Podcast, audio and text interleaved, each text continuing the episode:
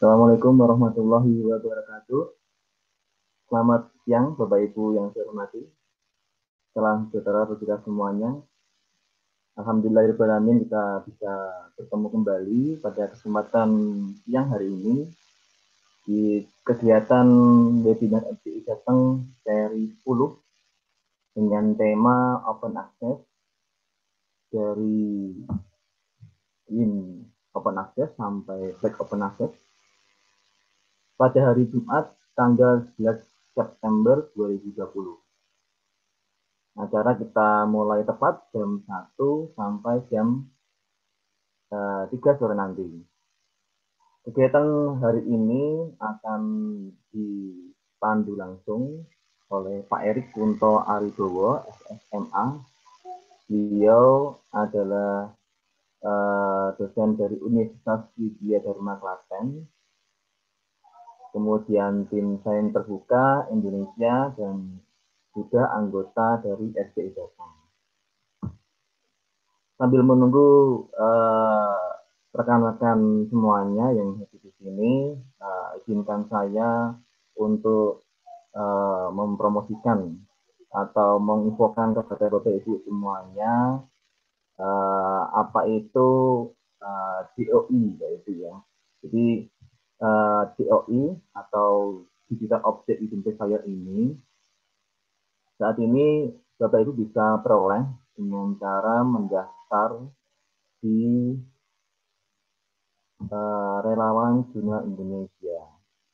Jadi saat ini juga uh, relawan jurnal Indonesia sudah menjadi sponsor organisasi untuk uh, cross seperti itu. Jadi uh, sudah sejak November tahun 2017 FCI terdaftar sebagai sponsoring organisasi Crosstrack dan FCI saat ini menjadi organisasi sponsoring terbanyak di Indonesia yang menaungi sponsor member. Jadi hingga saat ini untuk FCI sendiri sudah ada 1.208 member Bapak Ibu. Ini Bapak Ibu bisa mengklik uh, tautan yang ada di sini. Kemudian kewajiban FDI selain memfasilitasi, kemudian menghandle pembayaran atau billing, juga nanti akan membantu Bapak Ibu semuanya dalam aktivasi uh, DOI. Kemudian membuat invoice untuk keperluan kampus dan lain-lain. Untuk kewajiban institusi nanti Bapak Ibu bisa membaca agreement yang sudah uh, diberikan oleh Crossref. Nanti Bapak Ibu bisa membaca di bit.ly slash agreement Crossref tentang kewajiban institusi yang sudah terdaftar di Crossref. Bapak Ibu semuanya yang saat ini sudah urus DOI melalui RDI, diperbolehkan juga untuk memasang bit untuk sponsored member yang ada di uh, tautan ini gitu atau bisa mengambil HTML-nya di uh, pasang logo atau di tautan crossref slash brand slash gitu itu. Nah ini untuk bapak ibu yang saat ini uh, ingin mendaftar atau barangkali bapak ibu untuk instansinya atau kampusnya belum memiliki DOI Bapak Ibu juga bisa mendaftar secara online melalui laman doi.relawanjurnal.id home register. Nanti Bapak Ibu bisa mengisi data lengkapnya. Nanti akan ada pemberitahuan lewat email berupa mail invoice. Nanti Bapak Ibu bisa mengaktifasi dan bisa login kembali untuk mengunduh surat tugas atau contoh surat tugas dan kemudian nanti bisa diurus di kampus. Kemudian nanti bisa diunggah surat tugas serta dengan bukti bayarnya. Itu.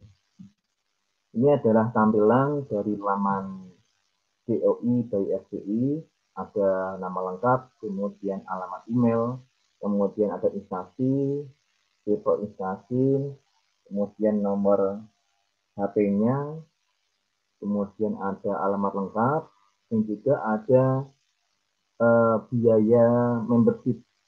Biaya membership ini modelnya tahunan, yaitu 500 ribu. Tapi kalau Bapak Ibu mendaftarnya bulan September ini, maka pembayarannya jadi 210 ribu. Nah, ini kalau untuk uh, sendiri ada dua pembayaran, yaitu pembayaran membership atau tahunan dan juga biaya per artikel. Kalau biaya per artikel ini, Bapak Ibu akan uh, pembayarannya di model deposit. Nah, jadi ini deposit uh, dulu atau istilahnya prabayar itu ya. Jadi minimum 1,5. Jadi misal nanti depositnya uh, habis atau mungkin nanti bisa deposit ulang gitu. Kemudian bagi Bapak Ibu yang saat ini sudah bergabung di FDI alias sudah mengurus COI-nya melalui FDI, Bapak Ibu bisa memanfaatkan aplikasi COI BFDI itu dengan cara reset password. Jadi masukkan dulu email yang Bapak Ibu urus pada saat awal di SDI, kemudian bisa mengecek email tersebut, dan juga melakukan aktivasi. Nanti username password akan dikirim ke email Bapak Ibu pada saat awal mengurus COI dengan RCI. Untuk statistik di RCI sudah banyak sekali sejak uh, tanggal 1 Nah, September 2020 sudah ada 1.220 user yang saat ini mendaftar ke FDI ya untuk mengurus DOI-nya. Ada beberapa yang dari universitas, ada beberapa yang dari perkumpulan, perpustakaan, dan lain-lain. Kemudian ini adalah uh, tampilan dashboard atau tampilan di dalam sistemnya. Nanti kita itu bisa melihat di sebelah kanan ada DOI persis, ada proses akun, uh, deposit, kemudian invoice seperti itu. Kemudian di laman tengah atau laman utama nanti ada nominal invoice-nya, kemudian teknik shopping-nya seperti apa dan lain-lain. Nah, manfaat dari aplikasi website DOI dari RDI ini selain memudahkan Bapak Ibu dalam mengecek saldo, juga nanti Bapak Ibu bisa mengecek juga deposit atau menambah deposit seperti itu. Kemudian nanti akan dipermudah juga dalam pembuatan invoice yang nanti Bapak Ibu bisa klaim ke kampus Bapak Ibu semuanya. Selain itu nanti bisa dimudahkan juga dalam berkomunikasi misal DOI-nya error atau gagal dalam aplikasi seperti itu. Berikut ini adalah informasi tagihan. Jadi intinya nanti dari pihak proses akan mengirim email ke FCI. FCI nanti akan memilih per institusi. Kemudian FCI akan membuat invoice per kampus dan mengemailkan uh, ke Bapak Ibu semuanya atau bisa di-download di aplikasi BOI BSDI. Ada catatan Bapak Ibu, invoice ini dari proses per tiga bulan sekali, sehingga nanti akan uh, ada pemberitahuan ya di bulan Maret, Juni, September, dan Desember. Jadi RDI pun akan mengirim per tiga bulan RDI juga, eh, per, per tiga bulan juga.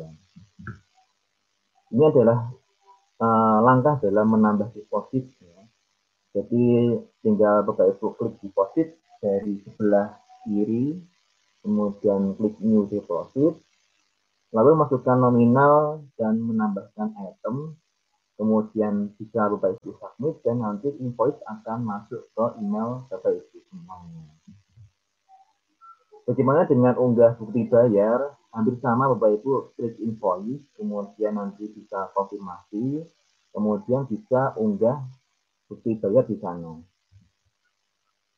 Nah, nanti biasanya setelah Bapak Ibu membayar, nanti Bapak Ibu akan mendapatkan akun Costrex. Seperti itu ada persisnya, kemudian ada username dan password. yang bisa Bapak Ibu gunakan untuk mengekspor XML ke Postgres nantinya. Nah, bagaimana kalau misal ada uh, pergantian kontak person? Jadi admin di LI kampus ternyata pindah ke kampus yang lain.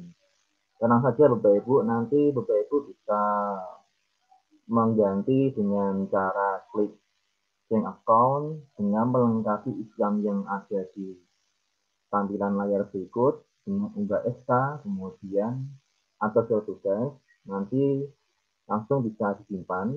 Nanti admin dari COI CFC ini akan meninjau berkas itu apakah diterima atau ditolak seperti itu. Jadi pada intinya tugas admin COI kampus itu yang pertama harus mengurus COI melalui FCI termasuk pembayarannya. Kemudian memastikan semua jurnal kampus di BO ini aktif dan membantu aktivasi seluruh jurnal di institusinya.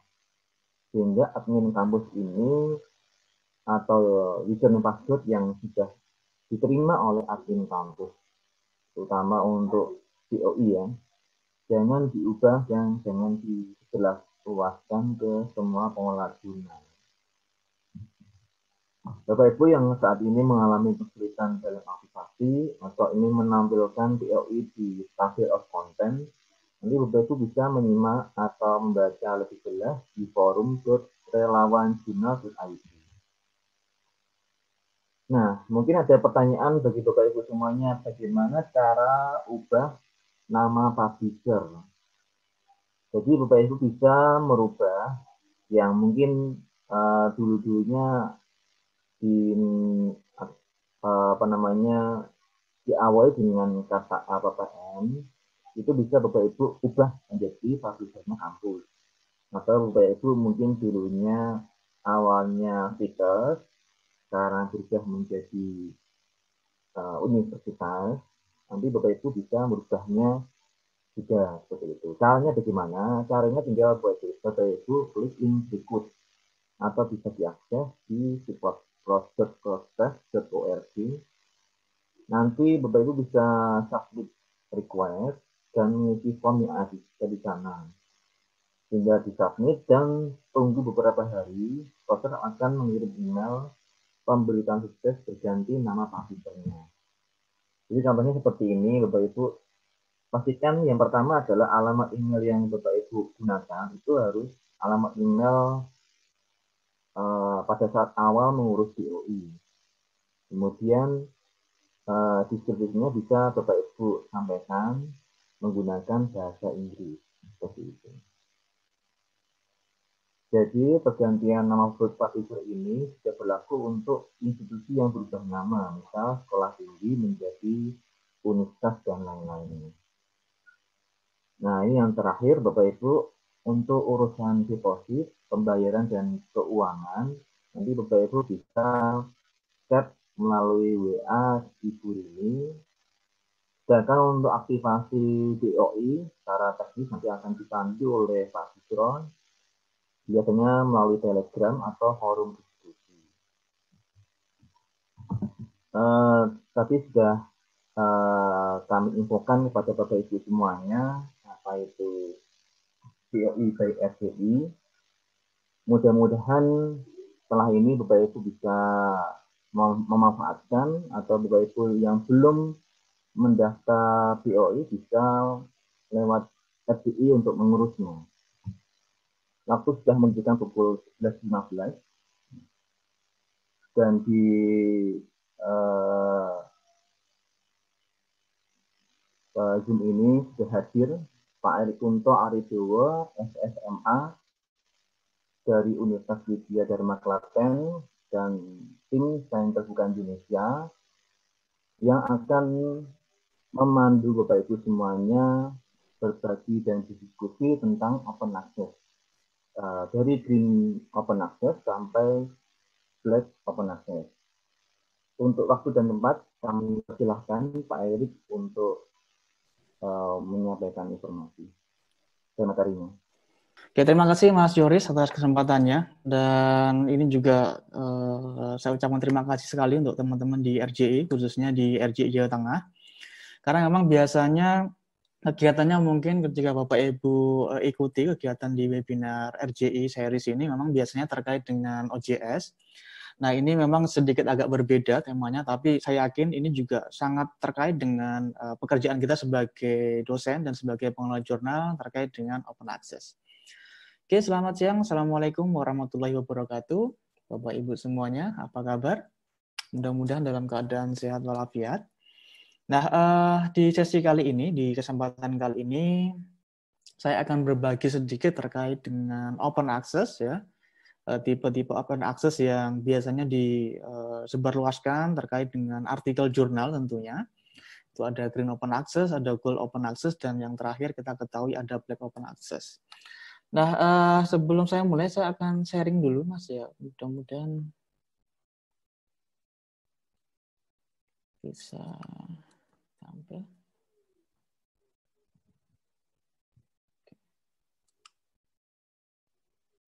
Apakah sudah tampil mas uh, di layar ya? Uh, masih desktopnya pak. Masih desktop. Oke. Okay.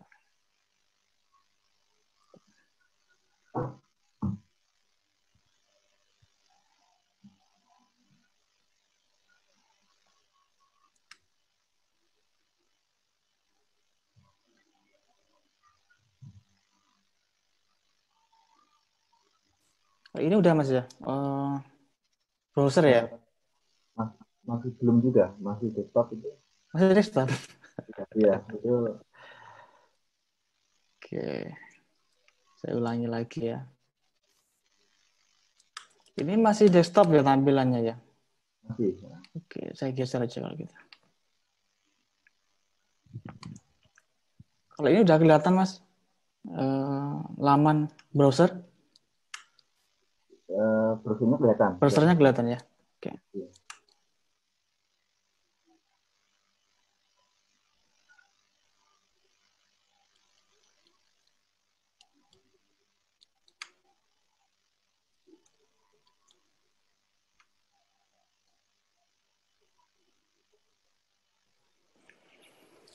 Oke Bapak Ibu, uh, perkenalkan saya Rekunto Bowo. Tadi mungkin sudah disampaikan sekilas uh, tentang siapa saya. Saya juga anggota dari Relawan Jurnal Indonesia. Saya masuk di RJI Jateng karena wilayah saya masuk di Jawa Tengah. Ini yang mimpin Mas Yoris. Terima kasih Mas Yoris ya. Nah, saya sebenarnya baru di RJI mungkin sekitar setahun ini. Tapi saya sedikit banyak uh, bermain atau berkecimpung di uh, sains terbuka.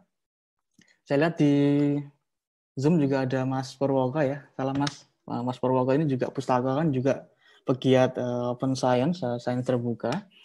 Nah, untuk materi kali ini Bapak Ibu bisa dapatkan nanti di komunitas relawan jurnal Indonesia yang ada di Zenodo.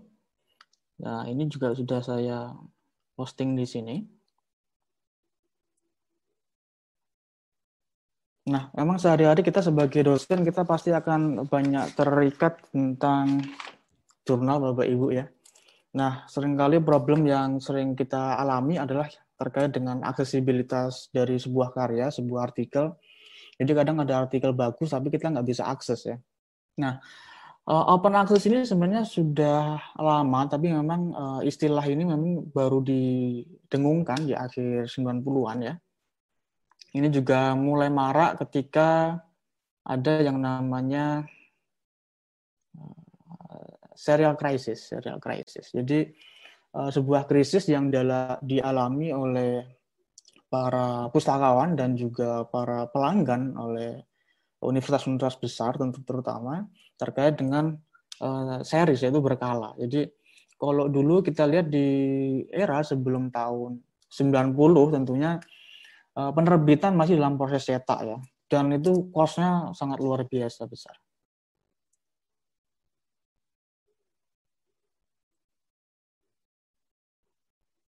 Oke. Mudah-mudahan sudah tampil ya, Mas Yoris ya. Ya, sudah, betul. Oke. Oke, kalau kita bicara tentang open access itu sebenarnya Bapak Ibu bisa lihat di taksonomi ini. Ini hanya bagian kecil dari open science. Jadi Bapak Ibu yang bergelut di bidang uh, pengelolaan jurnal, Bapak Ibu yang bergelut di bidang penerbitan, Bapak Ibu mau tidak mau itu akan uh, masuk dalam keluarga besar di open science ya ini. Open science salah satu poinnya ada open access ya. Nah, sebenarnya tidak hanya open access kalau kita berbicara terkait dengan open science. Ada yang namanya open data. Jadi selain selain artikel yang bisa diakses secara bebas, secara terbuka, secara gratis oleh para pembaca, nah, ada juga yang uh, istilah terkait dengan open science, ada terkait dengan open data. Jadi tidak hanya artikel ataupun output dari risetnya yang bisa dimanfaatkan secara luas, tapi termasuk juga data mentah. Jadi di tren belakangan ini mulai banyak open data, bahkan ada jurnal yang dia menampung terkait dengan data. Jadi jurnal itu hanya menampung khusus data. Jadi bagaimana data diolah, kemudian bagaimana mengumpulkannya, formatnya seperti apa, disimpan dalam format apa, kemudian kode-kode untuk menganalisnya seperti apa, itu mereka uh, menyusun sebuah jurnal yang khusus terkait dengan data. Nanti Bapak Ibu bisa data cek di data in brief itu punya Elsevier, tapi kalau di Indonesia mungkin belum belum banyak. Mungkin ada tapi belum banyak yang menerima jurnal yang menerima data. Nah, di Open Science ini sebenarnya tujuan utamanya adalah bagaimana kita bisa uh, memberikan sebuah uh, gambaran baru, memberikan Eh, metode baru, memberikan penyajian baru bagaimana kita melakukan riset dengan lebih baik.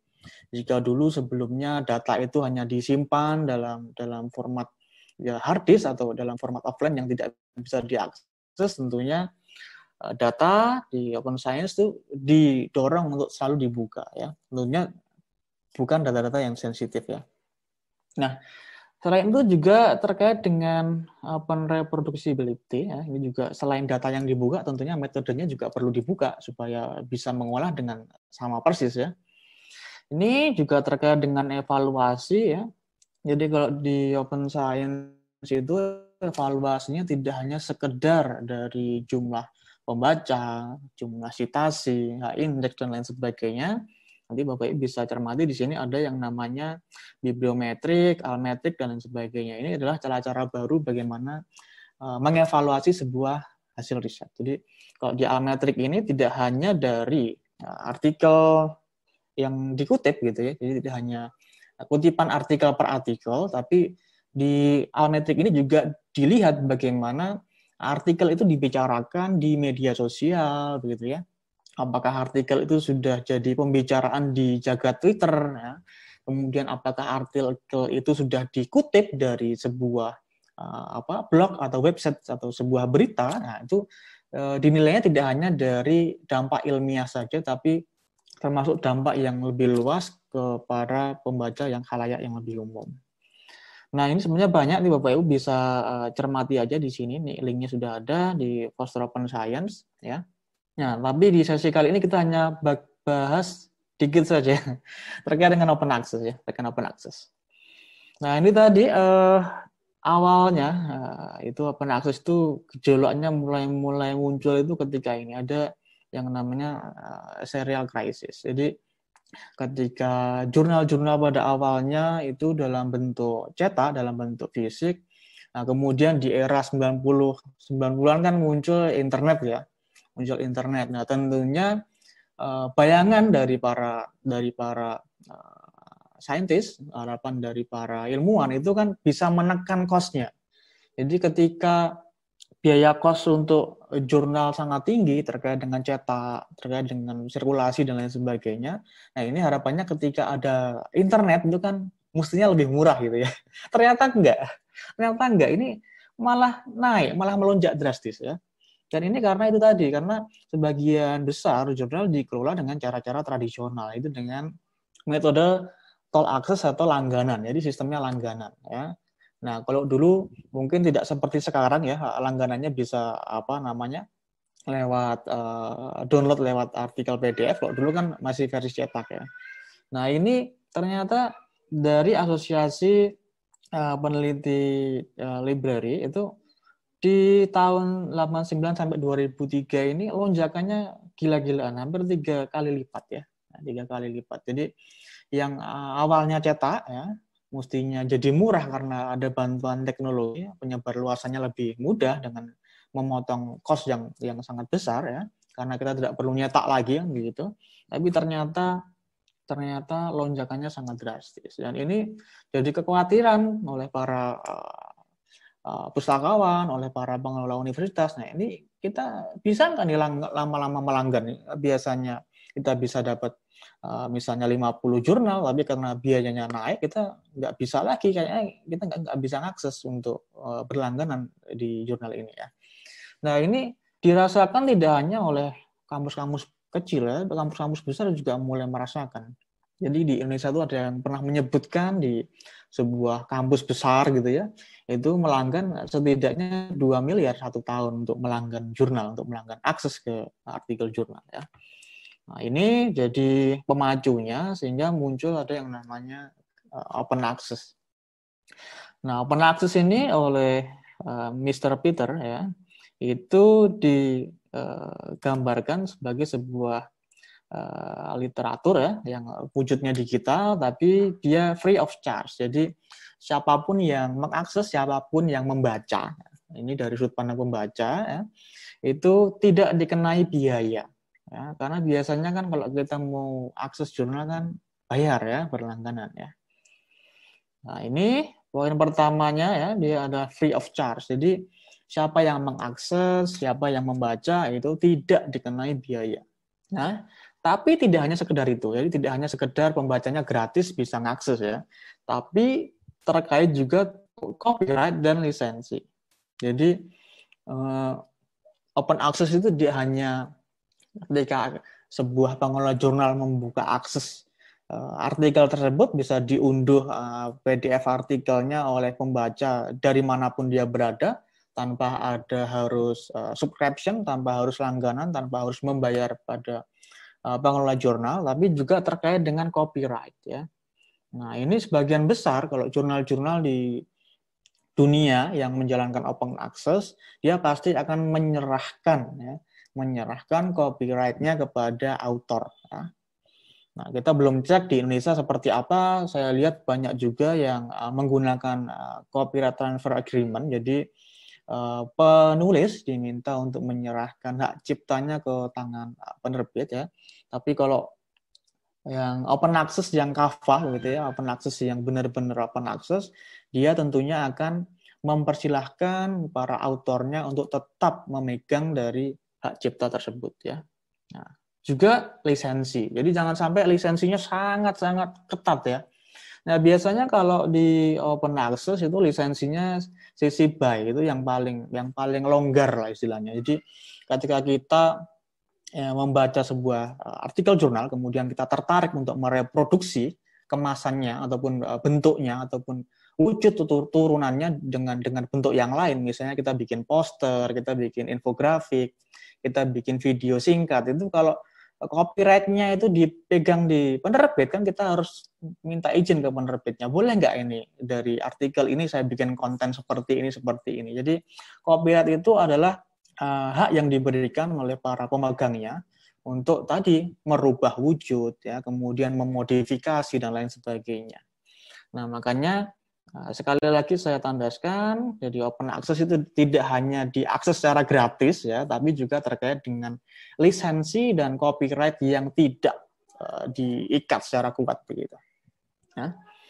Nah, ini nanti kalau Bapak Ibu ingin baca penakses lebih lanjut ya ini ada buku dari Peter Suber open access judulnya ini bisa dibaca secara gratis juga bukunya juga open access ini terbit di MIT 2013 kalau tidak salah ya, nah memang sekarang kalau kita di kebijakan di bawah kementerian kita memang dituntut untuk selalu menulis ya dengan di jurnal yang bereputasi jurnal yang terindeks dan lain sebagainya dan sebagian besar jurnal-jurnal yang disebutkan itu adalah jurnal-jurnal yang full access, jurnal-jurnal yang non open access. Ya.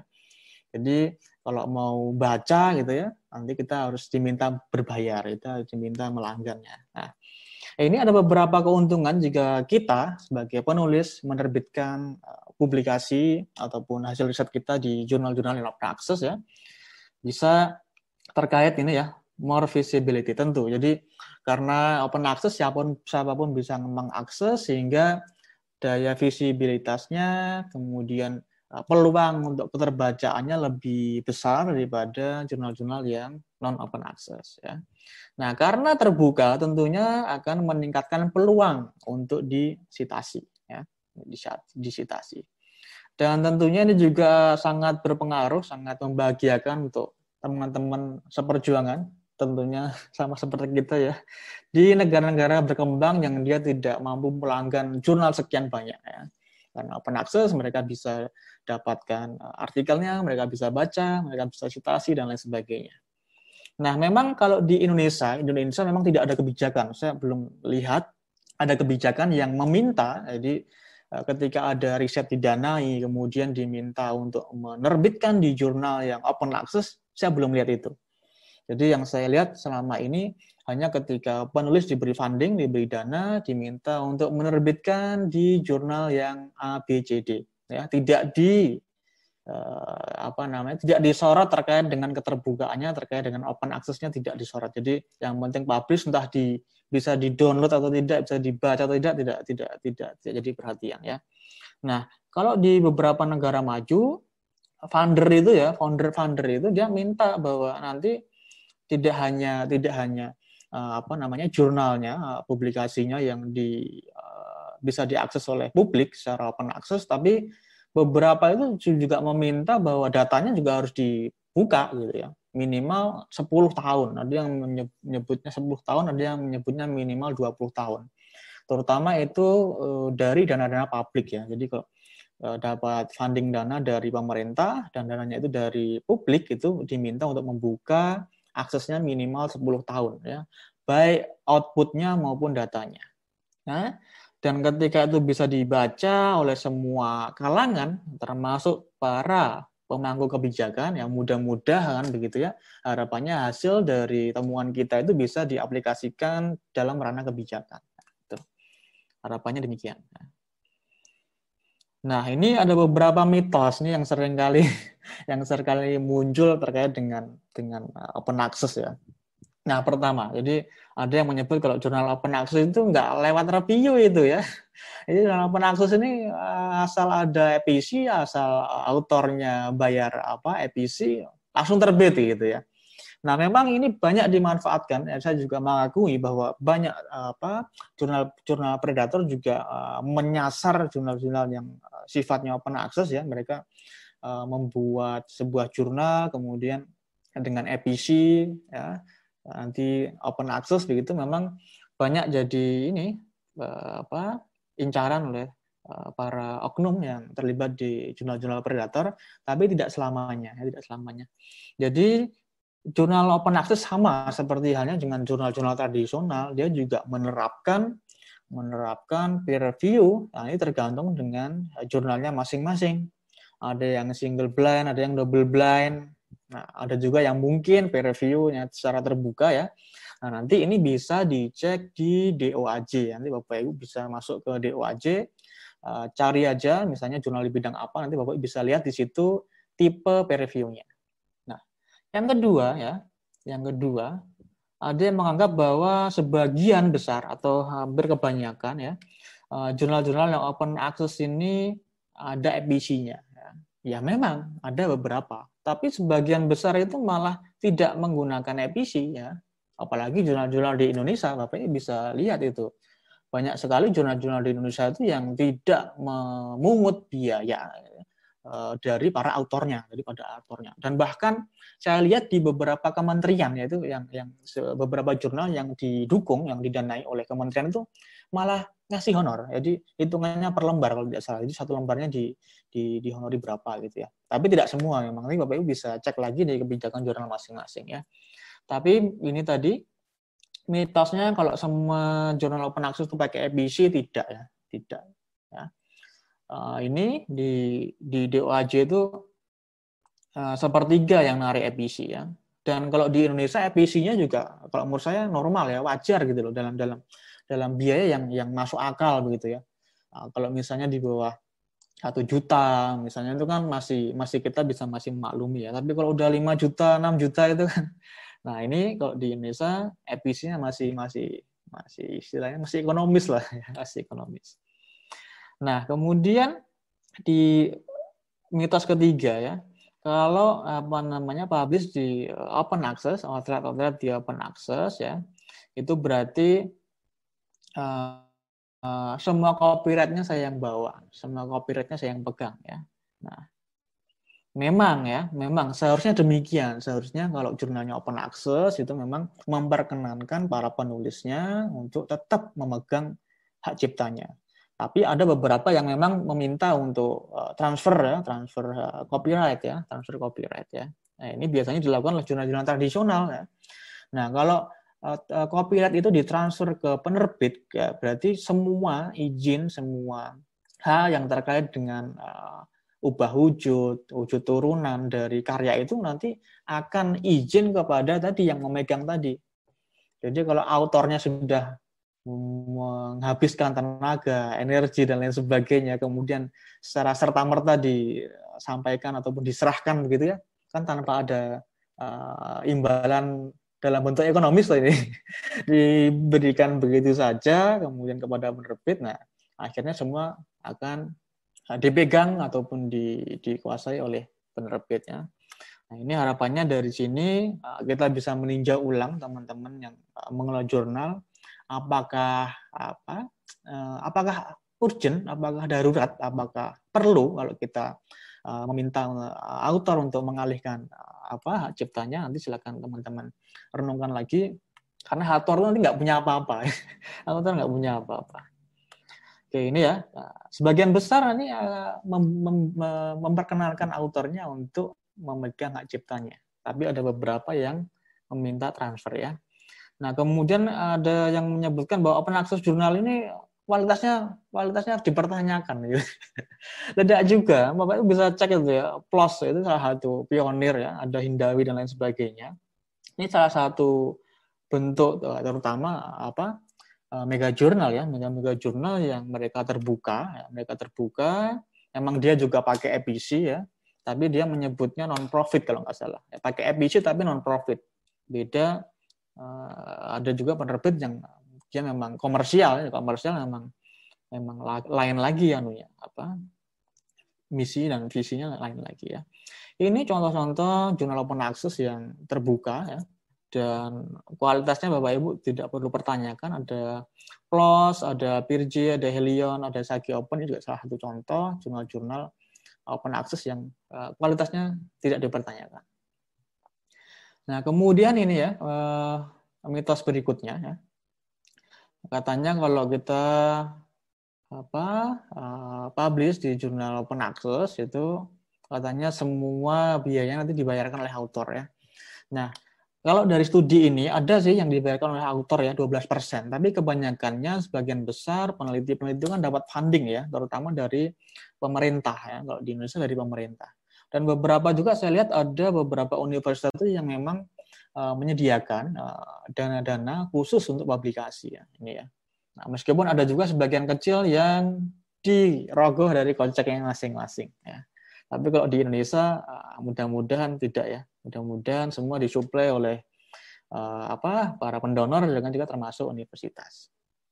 Nah, kemudian ini juga uh, yang sering banyak disalahartikan ya. Jadi kalau kita mau publikasi kita itu open access ya, kalau kita ingin uh, apa uh, publikasi kita itu open access ya, salah satunya hanya lewat jurnal yang open access ya. Tidak juga sebenarnya ya. Sebenarnya kalau open access itu ada dua rute. Kalau Bapak Ibu publishnya di jurnal-jurnal yang memang open access itu memang rutenya rute yang rute goal ya. Jadi memang jurnal itu dari awal memang dia mempunyai kebijakan bahwa setiap uh, publikasi dari jurnal tersebut memang dibuka aksesnya ya. Memang dari awal open access. Nah, tapi bagaimana cara open access kalau jurnalnya ternyata jurnal-jurnal yang berlangganan begitu ya. Nah, misalnya Bapak Ibu publish di jurnal Elsevier, Bapak Ibu, publish di jurnal Taylor Francis dan lain sebagainya. Nah, memang di bawah penerbit besar itu mereka sebagian besar itu memang uh, jurnalnya adalah jurnal-jurnal yang paywall, jurnal-jurnal yang harus berlangganan ketika para reader, para pembacanya ingin mengakses. Nah, cara kedua, rute kedua, Bapak Ibu bisa manfaatkan yang namanya green open access. Kalau tadi goal melalui penerbit, buka aksesnya adalah penerbit, tapi kalau green open access ini yang buka aksesnya adalah autornya sendiri. Caranya bagaimana? Caranya Bapak Ibu silakan Bapak Ibu unggah preprintnya atau versi manuskrip Bapak Ibu sebelum melalui preview ya. Ya Bapak Ibu sudah punya draft, Bapak Ibu ingin submit ke sebuah jurnal, Bapak Ibu uh, submit juga ke preprint server ya, sehingga uh, sembari artikel itu direview, Bapak Ibu sudah bisa membuka akses dari manuskrip Bapak Ibu kepada para pembaca. Itu lewat green open access atau lewat pengarsipan mandiri atau yang lebih dikenal dengan self archiving ya. Nah, ini kalau yang gold tadi dibuka oleh penerbit, kalau yang green itu yang buka autornya sendiri ya, autornya sendiri. Nanti bisa Bapak Ibu selain di preprint server Bapak Ibu kalau punya repository di kampus Bapak Ibu juga bisa unggah manuskripnya di institutional repository atau repository kampus ya. Nah, nanti ini Bapak Ibu bisa sebarluaskan uh, preprintnya kepada para kolega Bapak Ibu atau ke para pembaca uh, khalayak di di mana Bapak Ibu berkecimpung ya. Jadi tidak hanya lewat jurnal-jurnal yang aksesnya terbuka, tapi bisa juga lewat Green Open Access. Nah, Green Open Access ini yang tidak banyak diketahui oleh para penulis terutama di Indonesia saya lihat.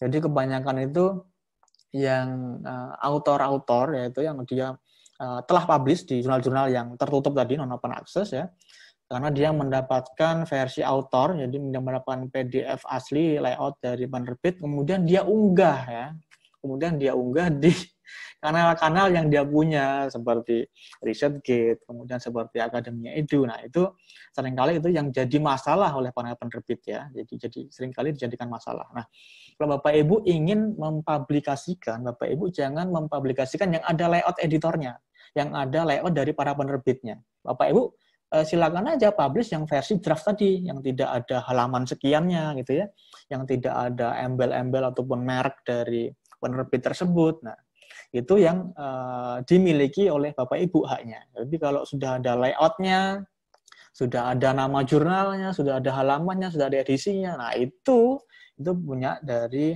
penerbitnya. Ya. Yang kita akan bahas lebih lanjut nanti di eh, slide-slide berikutnya.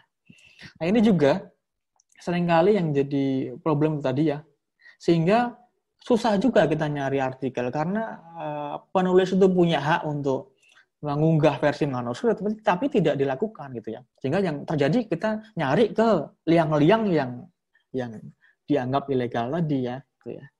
Nah ini sebenarnya hampir semua uh, penerbit besar itu mendorong adanya self archiving ya self archiving sangat didorong oleh para para penerbit besar kalau kita tidak percaya kita bisa cek di sini lewat uh, Serpa Romeo nah bapak bisa cek di sini Serpa Romeo itu adalah sebuah agregator atau sebuah database, sebuah basis data kebijakan jurnal. Jadi Bapak Ibu bisa sih nyari ke jurnal A, nanti dilihat di kebijakan jurnalnya apakah dia eh, apa menerima versi preprint atau tidak, apakah preprint ini bisa saya unggah di repository atau tidak, nanti Bapak Ibu bisa cermati di kebijakan jurnal masing-masing.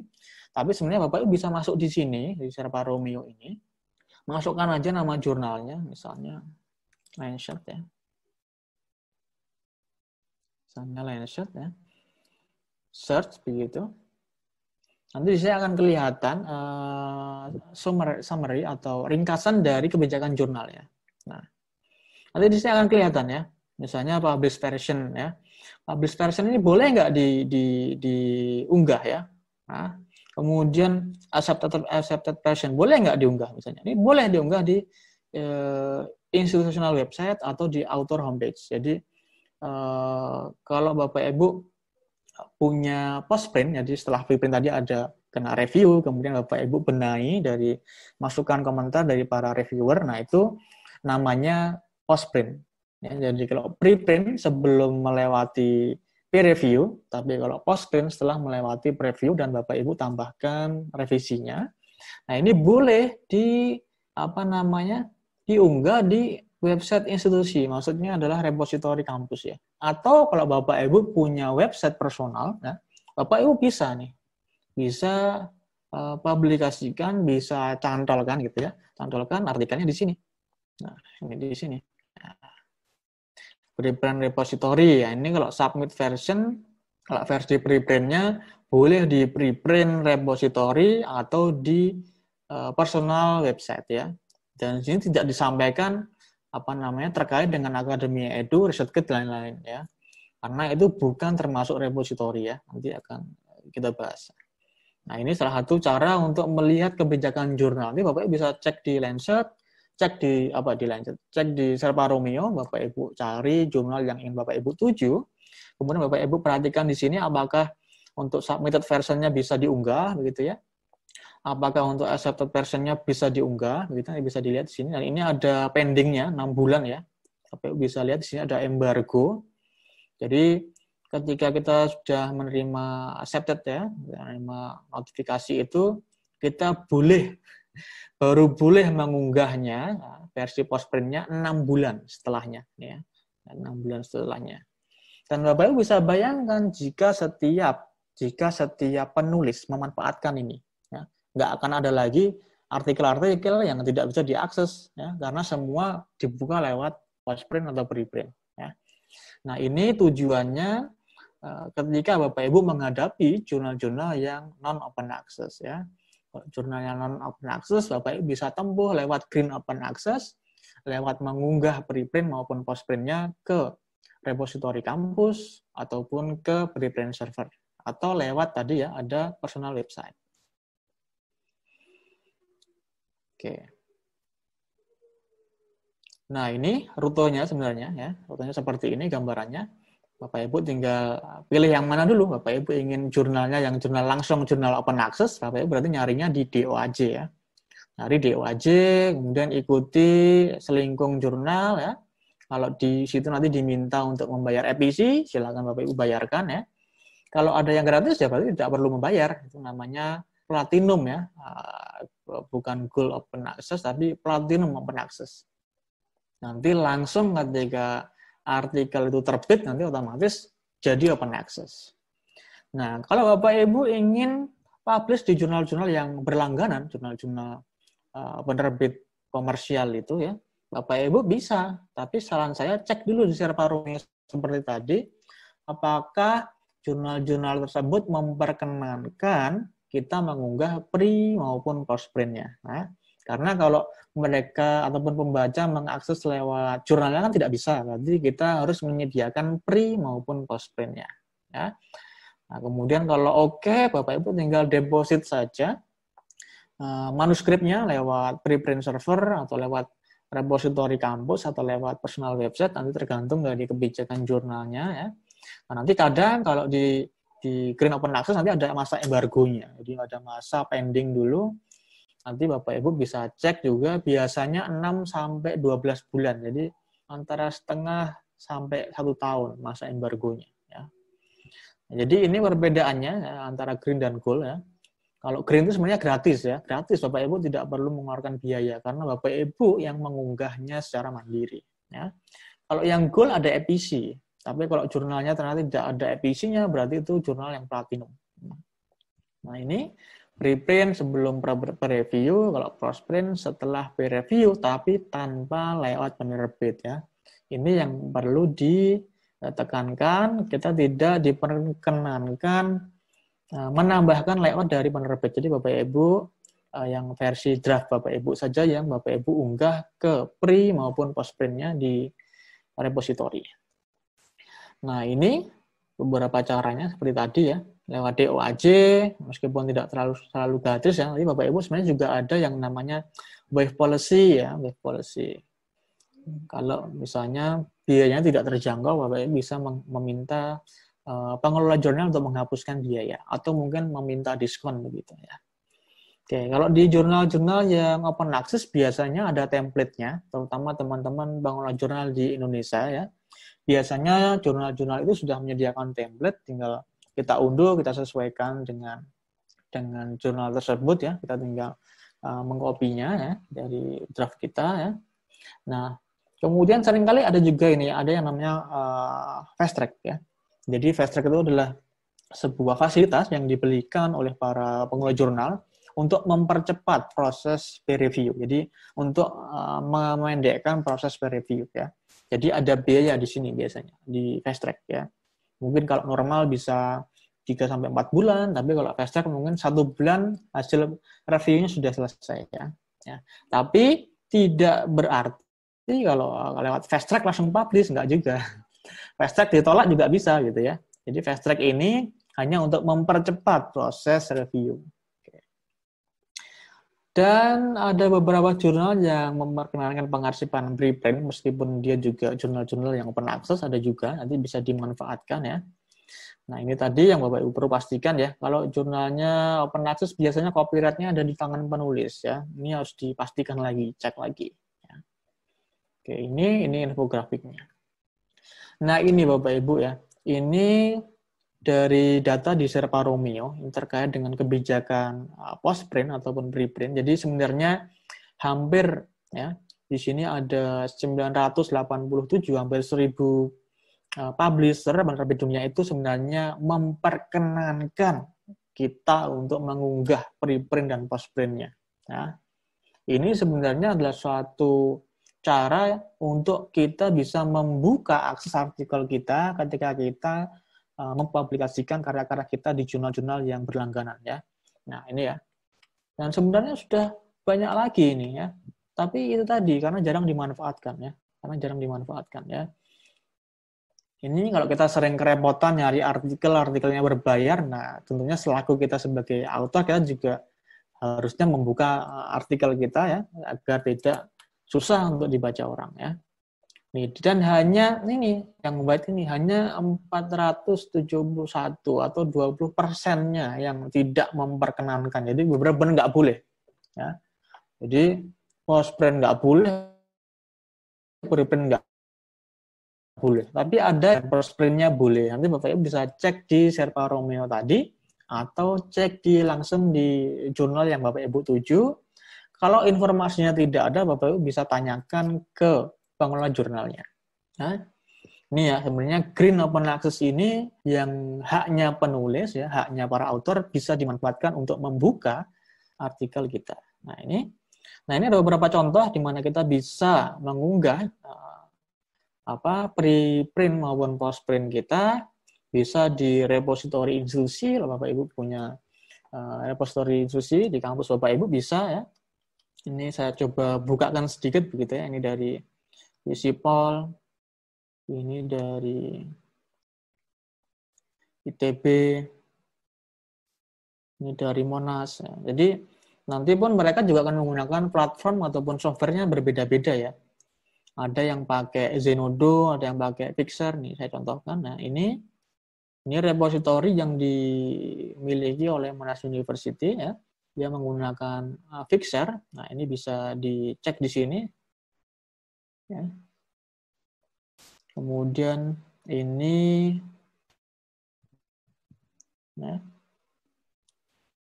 Ini ada beberapa juga yang uh, dataset juga mulai dibuka di sini.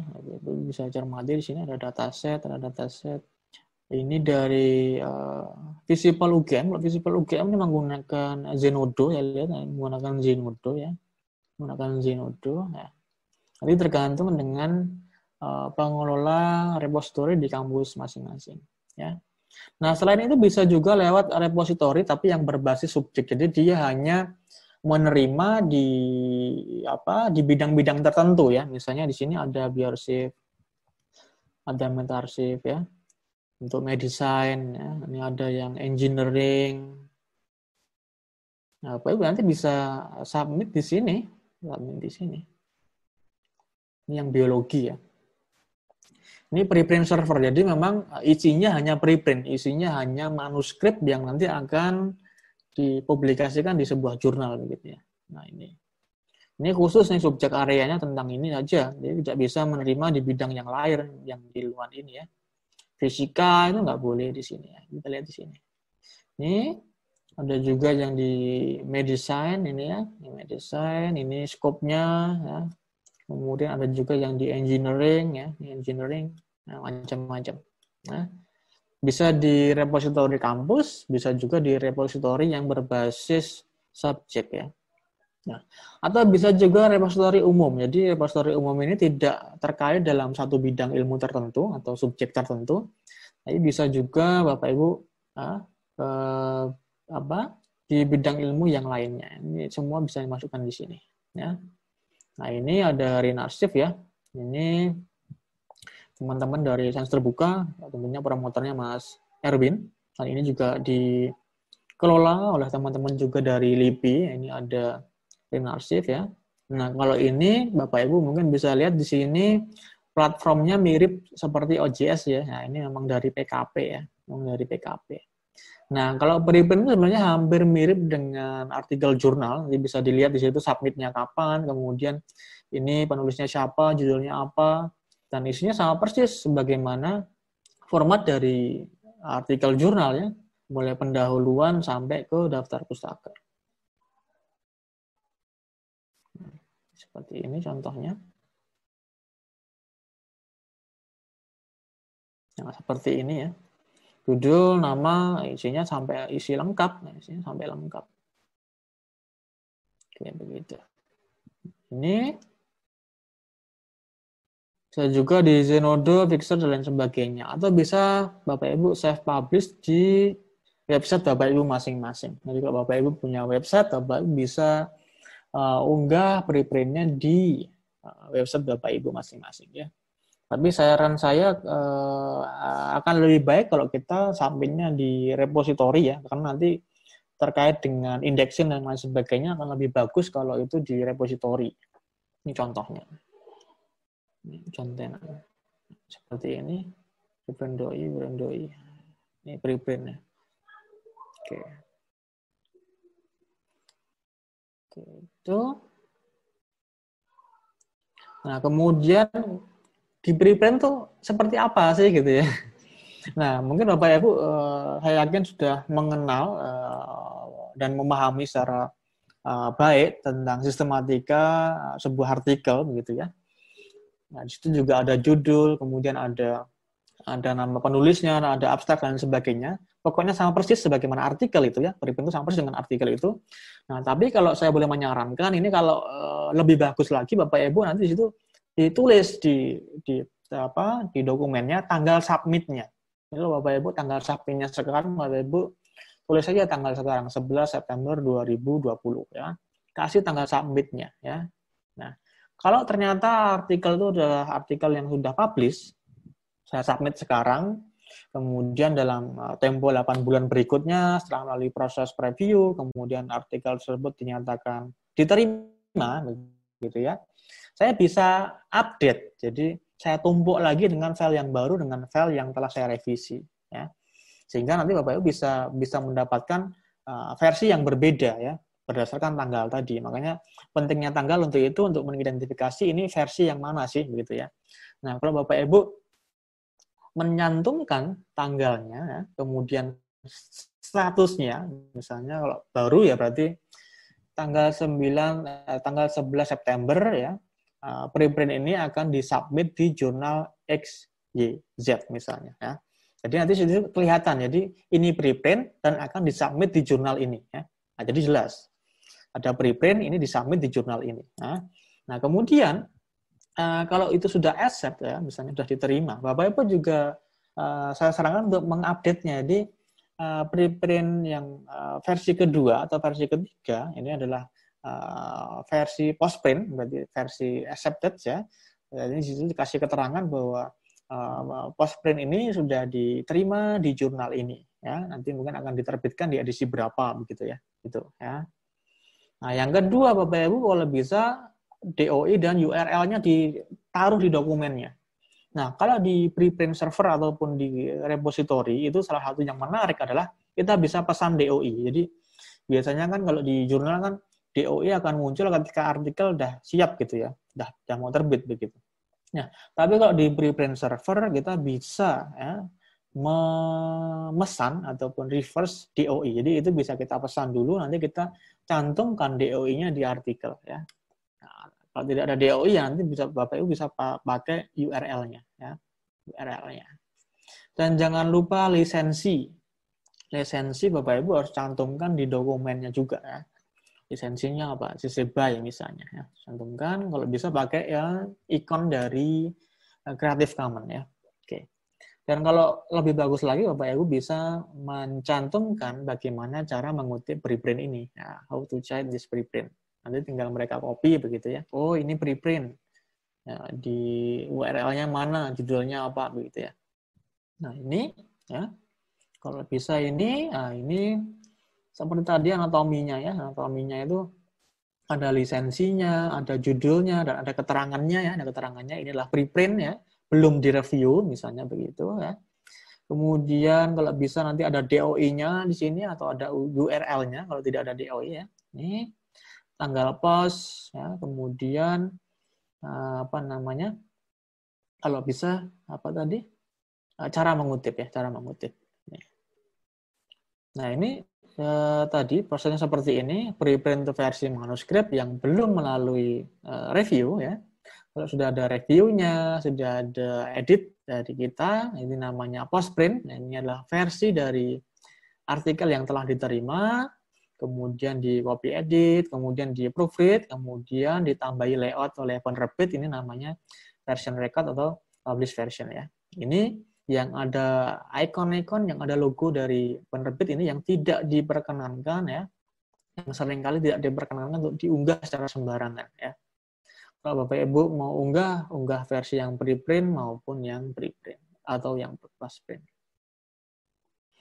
Oke, dan yang terakhir selain ada green dan ada gold itu ada yang namanya black open access. Jadi istilah black atau istilah ilegal ini di mana uh, apa artikel-artikel itu didapatkan ya tidak lewat repositori ya. tidak lewat repositori ya. Bapak Ibu saya yakin kenal itu ya. Nah, ini biasanya diunggahnya di sini diunggahnya lewat ResearchGate, diunggahnya lewat akademia ya. Nah, ini biasanya para autornya sendiri yang mengunggah ya. Nah, ini. Nah, ini sebenarnya Akademia Edu di tahun 2013 itu pernah diminta untuk menurunkan diminta untuk menurunkan artikel-artikel yang sudah diunggah di sana. Ini dapat apa? Uh, somasi dari dari Elsevier ya. Ini diminta untuk menurunkan artikel-artikel yang diunggah karena itu adalah artikel yang tadi artikelnya yang versi publish ini tadi. Ya versinya versi publish. Jadi ada layout dari editornya. Ya nih jadi akademia edu dan researchgate itu bukan repository ya meskipun kita bisa membagikan karya di sana itu bukan repository ya dan biasanya juga kita temukan di Sci-Hub nah saya yakin semua mengenal Sci-Hub ini ya nah, Pertanyaannya, kenapa kok ilegal gitu ya? Kenapa kok ilegal? Nah ini Bapak Ibu ya. Ini uh, perbedaan antara repository dan uh, Akademi Edu atau ResearchGate ya. Jadi yang namanya repository itu pasti ada terkait uh, API yang bisa dibuka untuk mengunduh atau mengcrawling data atau metadata yang ada di sana. Jadi kalau repository pasti API-nya terbuka ya, dia bisa di dimanfaatkan oleh pihak lain untuk mengharvest dari ataupun memanen data-data yang ada di repositori. Tapi kalau akademi edu dia tidak bisa, ya, tidak ada apinya. Nah kemudian kalau di repositori itu ada yang namanya terkait dengan pengarsipan ya. Jadi nanti di di OAI biasanya juga juga ikut di OAI. Tapi kalau di akademi edu dan riset itu tidak ada pengarsipannya. Jadi kalau tiba-tiba uh, riset gate dua tahun kemudian take down gitu ya, datanya hilang semua karena tidak ada pengarsipannya. Sama seperti dengan akademi edu ya. Nah, kalau di repository itu biasanya minimal 10 tahun data itu aman ya. Minimal 10 tahun. Nah, kemudian bisnis modelnya, kalau di repository itu biasanya tidak profit ya, non profit. Meskipun ada juga repository yang profit ya. Jadi ada juga yang repository itu memang memang menyediakan fitur-fitur tertentu untuk para pelanggannya ya, misalnya seperti itu ya. Tapi sebagian besar non profit ya, karena platform ataupun softwarenya pun juga terbuka, tidak berbayar kayak gitu. Nah, tapi kalau Akademi Edu dan Gate ini data kita dijual. Makanya penerbit nggak mau kalau artikel itu bisa naik di Akademi Edu dan di ResearchGate sama karena sama-sama komersial gitu ya. Karena sama-sama komersial, sama-sama jualan. Oh ini barang dagangan gue kok kamu promosikan di situ ya. Ini nggak mau kan, penerbitnya nggak mau. Ya. Makanya tadi kasusnya ini tadi Akademi Edu diminta untuk menurunkan artikel-artikel yang telah diunggah itu di Akademi Edu ya. Ya, tidak boleh. Karena sama-sama komersial gitu ya. Nah, kalau di open access repository itu jarang sekali ada email ya. Jarang sekali ada email masuk penawaran A, B, C ya. Tapi kalau ada Akademi Edu atau ResearchGate pasti nanti ada promosi email masuk nih ya artikel Anda telah dibaca sekian, ini adalah pencapaian Anda dalam bulan ini, dan lain sebagainya. Kalau Bapak Ibu menggunakan Akademi Edu dan atau ResearchGate, berarti sering mendapatkan email. Ya. Oke. Tapi kalau di repository, jarang sekali dapat email ya.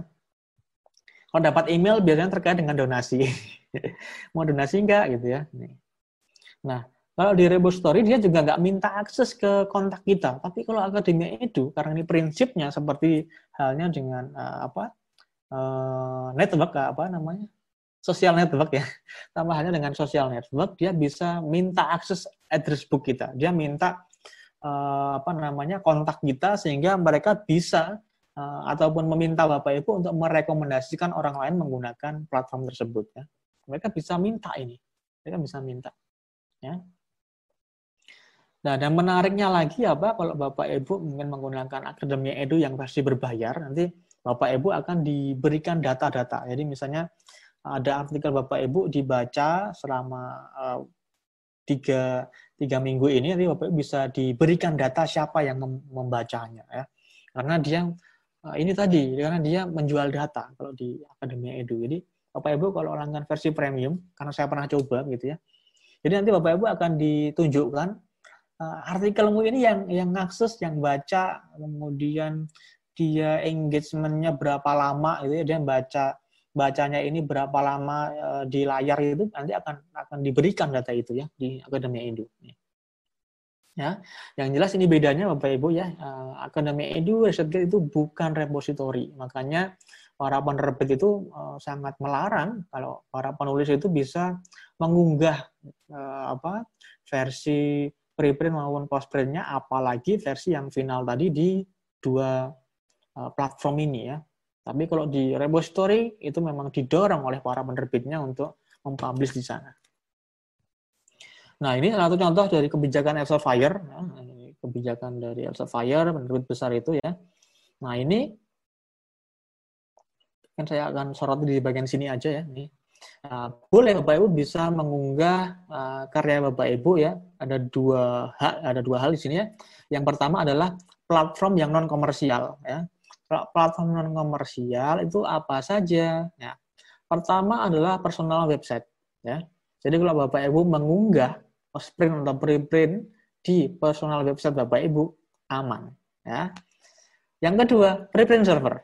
Ya, kalau Bapak Ibu mengunggah preprint dan dan postprintnya di preprint server aman. Ya. Atau bisa di institutional repository atau subject repository yang tadi sudah sudah berikan contohnya. Ya. Nih, ya, boleh diunggah di sana. Apa saja yang yang boleh? Pertama, metadata dan link. Bapak Ibu bisa mengunggah metadatanya. Metadata itu berarti autornya siapa, judulnya apa, terbitkan di mana, gitu ya. Termasuk linknya, link ke artikel aslinya ataupun link ke penerbit aslinya boleh. Ya. Kemudian boleh juga preprint, preprintnya boleh diunggah, gitu ya. Yang ketiga, accepted manuscript berarti versi postprint ya, tapi setelah ada masa embargo. Kalau itu ada masa embargo. Jadi misalnya di jurnal yang tadi di embargo 6 bulan, berarti setelah 6 bulan publish Bapak Ibu baru bisa menaikkan postprintnya ya. Dan juga goal open access artikel ya udah kalau memang artikelnya open access ya nggak usah diunggah lagi ya. Tapi boleh diunggah di eh, platform-platform uh, ini ya. Ini yang di non komersial tapi kalau yang di komersial ya kalau yang di komersial ya boleh metadata dan linknya sama uh, preprintnya juga boleh saya kurang tahu ini kebijakan baru mungkin ya di komersial itu berarti nanti di di Berarti di Akademi Edu dan di ResearchGate mungkin boleh, Bapak Ibu saya akan cermati lagi kebijakannya. Ini ya, terkait di uh, komersial platform ya. Tapi pasti nanti di sini akan ada syaratnya lagi mungkin ini komersial platform yang telah di, dibentuk kerjasamanya dengan Elfire ya. Nah ini mungkin ya. Polisi itu kan komersial partner sites ya. Berarti ini ada partner-partnernya. Jadi mungkin nanti di sini ada uh, informasi lebih lanjut terkait dengan platform komersial yang diperkenankan mengunggah preprint dari Elsevier mana saja ya. Bisa Bapak Ibu cek lagi di sini ya. Ini peluangnya Bapak Ibu kita bisa mengunggah preprint dan postprint di kanal-kanal ini di platform-platform ini. Nah, itu tadi terkait dengan uh, sosial media ataupun social networking ya. Nah, ini terkait dengan Sci-Hub ya. Sci-Hub itu isunya ada tiga ini Bapak Ibu. Pertama terkait dengan phishing. Jadi phishing itu adalah kegiatan yang mengambil informasi secara ilegal begitu ya. Jadi ada yang eh, memberitakan bahwa eh, bagaimana cara Sci-Hub itu bisa mendapatkan akses artikel sampai kalau nggak salah sekarang itu sampai 87 juta artikel bisa dia punya dari mana caranya ya. Ada yang menyebut ini ya dari beberapa laporan itu ada yang menyebut eh, kami punya bukti bahwa Sahab itu membuat uh, apa sistem-sistem di di IT ya. IT kampus dia mengambil uh, passwordnya sehingga mereka bisa akses itu ya akses ke publisher-publisher besar kemudian dia mengunduhnya secara massal begitu ya. Nah, yang kedua terkait dengan copyright ya. Karena itu tadi nah ini uh, Sahab ini karena mereka juga tidak memiliki hak untuk mengunggahnya di di uh, kanal dia karena copyrightnya itu kan pasti ada di tangan penerbit semuanya ya. Kalau di jurnal-jurnal yang uh, apa non open access ya.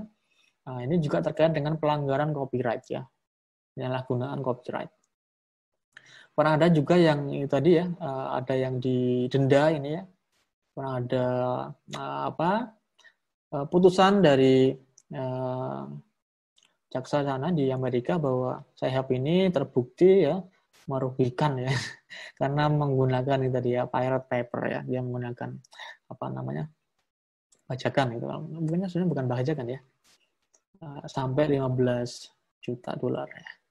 Nah ini nah memang kita tidak perlu apa namanya kita tidak meragukan ataupun apa namanya kita tidak uh, apa menafikan ataupun meragukan dari kegiatan oleh uh, Alexandra yang membuka akses untuk teman-teman terutama yang tidak memiliki akses ke jurnal-jurnal berbayar. Kita juga perlu acungi jempol keberanian dan motivasi dia untuk membuka akses itu. Tapi sebenarnya Sahab ini bukan lagi yang namanya solusi utama Bapak Ibu ya. Solusi utamanya ya ini tadi kalau kita bisa mengunggah mengunggah preprint dan postprint kita. Jadi kalau semua penulis mengunggah pre dan post printnya, tentunya kita tidak perlu lagi mengunggah lewat Sci-Hub.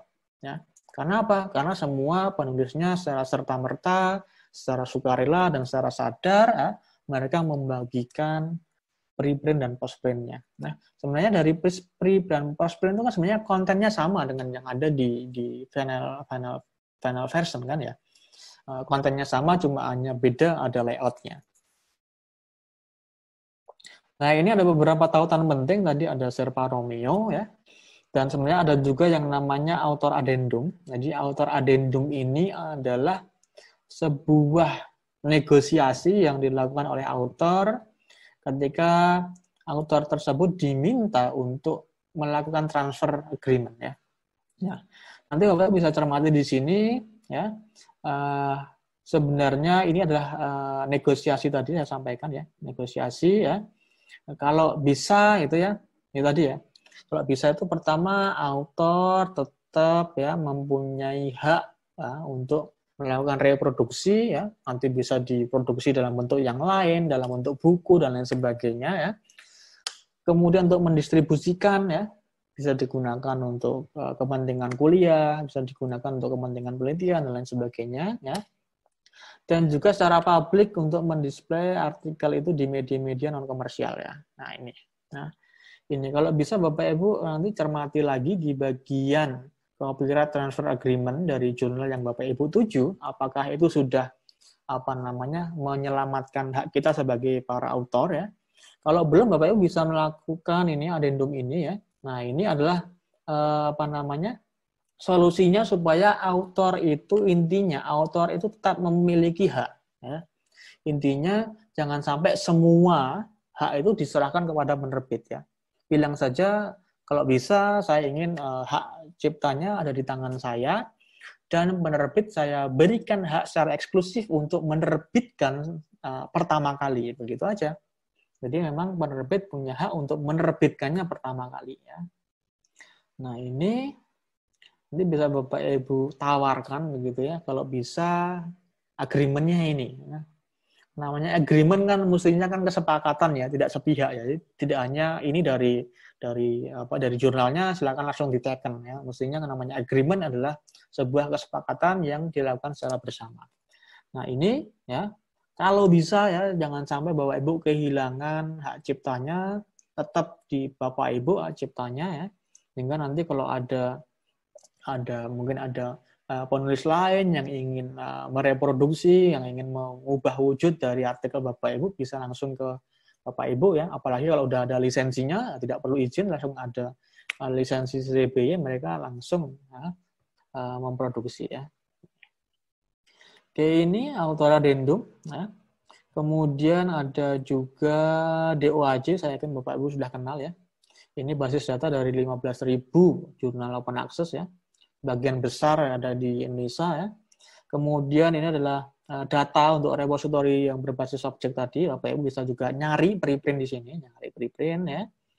Dan ini ada agenda tahunan Bapak Ibu ya.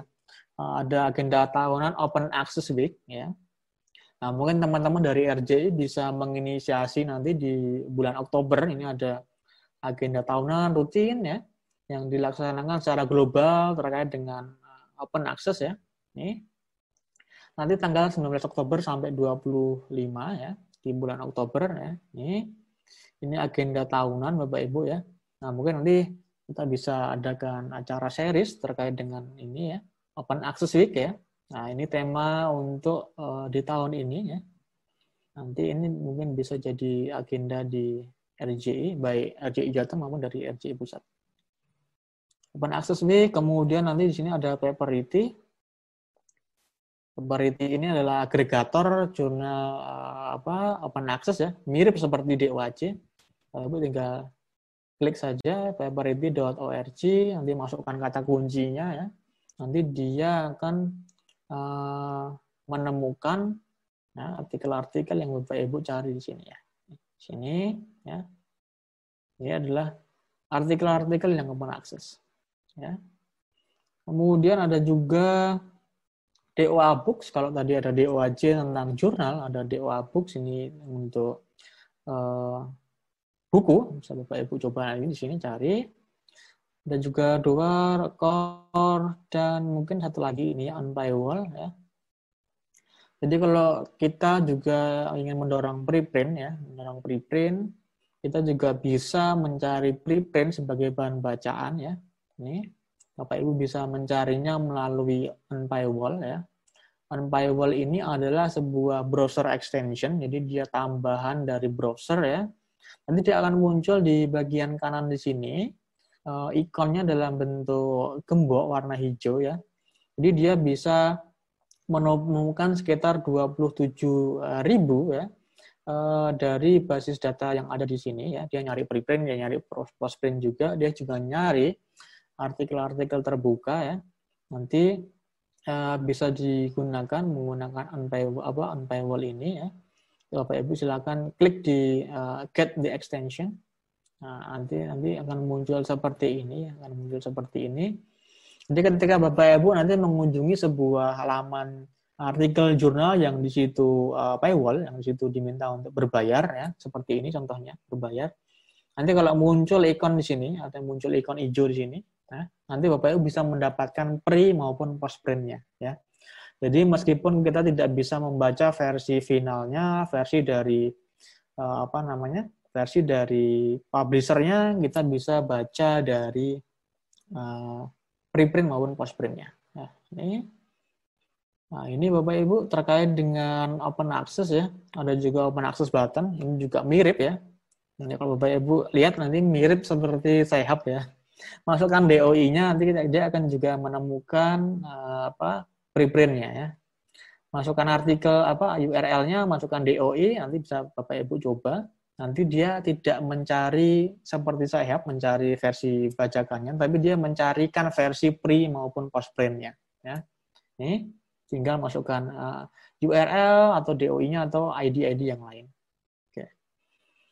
Nah, ini Bapak Ibu terkait dengan uh, open access ya, terkait dengan open access ya. Dan akhirnya ini Bapak Ibu ya, jika kita sebagai seorang penulis ya, bolehlah kita nyari jurnal-jurnal yang uh, open access yang bonafit yang kalau Bapak Ibu ingin yang apa namanya terindeks Scopus dan sebagainya sebenarnya ada banyak juga jurnal-jurnal yang uh, terindeks Scopus tapi dia open access ya. Tapi kalau Bapak Ibu terpaksa terpaksa harus submit di jurnal yang non open access ya, silakan manfaatkan yang tadi green open access. Bapak Ibu submit uh, preprintnya juga, submit postprintnya juga, sehingga apa namanya pembaca itu tidak hanya mendapatkan akses secara terbuka dari penerbit, tapi memang Bapak Ibu yang memang menyediakannya kepada khalayak umum secara sadar betul ya, bahwa ini ya, kami buka untuk kemaslahatan umat ya. Jadi salah satu cara ya, ataupun alternatifnya lewat green open access ya. Tidak harus lewat gold open access terus. Jadi tidak harus dibuka oleh penerbitnya ya. Ini yang belum banyak dimanfaatkan ya terkait dengan preprint. Kalau Bapak Ibu diminta untuk transfer agreement, silakan cek lagi, silakan cek lagi, cermati lagi ya. Itu nanti banyak menguntungkan atau banyak merugikannya ya.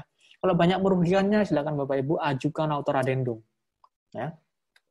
Dan untuk menerbit ya, untuk menerbit, sekedar mengingatkan yang namanya open access itu tidak hanya terkait dengan oh artikelnya bisa dibaca secara gratis ya, tidak hanya sekedar itu, tapi ada uh, copyright, tapi ada lisensi yang tidak kaku, yang tidak dipegang oleh para penerbitnya ya. Harapannya tetap ciptanya ada di tangan para autor dan kemudian kalau bisa lisensinya CCP ya. Ini dan juga saya harapkan juga teman-teman dari pengelola jurnal mulai ya, mulai membuat kebijakan terkait dengan preprint ya. Silakan mengambil sikap, uh, silakan apakah Anda menerima preprint atau tidak. Jadi jelas uh, di kebijakan jurnalnya ada. Jangan sampai uh, sering kali yang muncul itu malah ini preprintnya apa ini duplikasi atau apa? Biasanya sering kali preprint itu dianggap duplikat ya. Seringkali preprint itu dianggap duplikat karena sudah tayang di kanal yang lain, sudah publish di tempat yang lain, kok tiba-tiba disubmit di jurnal saya ya. Nah, makanya silakan buat kebijakan terkait dengan preprint ya. Saya menyarankan uh, bahkan untuk jurnal-jurnal yang gold open access maupun jurnal-jurnal yang platinum open access ya, yang uh, jurnal-jurnal yang open access uh, juga saya sarankan untuk menyediakan ini tadi kebijakan terkait dengan preprint. Jadi sembari proses review itu dijalankan, jadi artikel itu sudah sudah bisa dibaca, sudah bisa dikonsumsi oleh halayak sehingga kalau ada error, kalau ada hal-hal yang yang yang yang perlu kita apa, yang perlu kita lihat lebih tajam lagi itu tidak hanya jadi tanggung jawab oleh dua reviewer tadi gitu. Jadi selama ini kan kita uh, menyerahkan bahwa artikel yang sudah lolos dari dua atau tiga orang reviewer itu adalah artikel yang mutlak, absolut, yang benar gitu ya.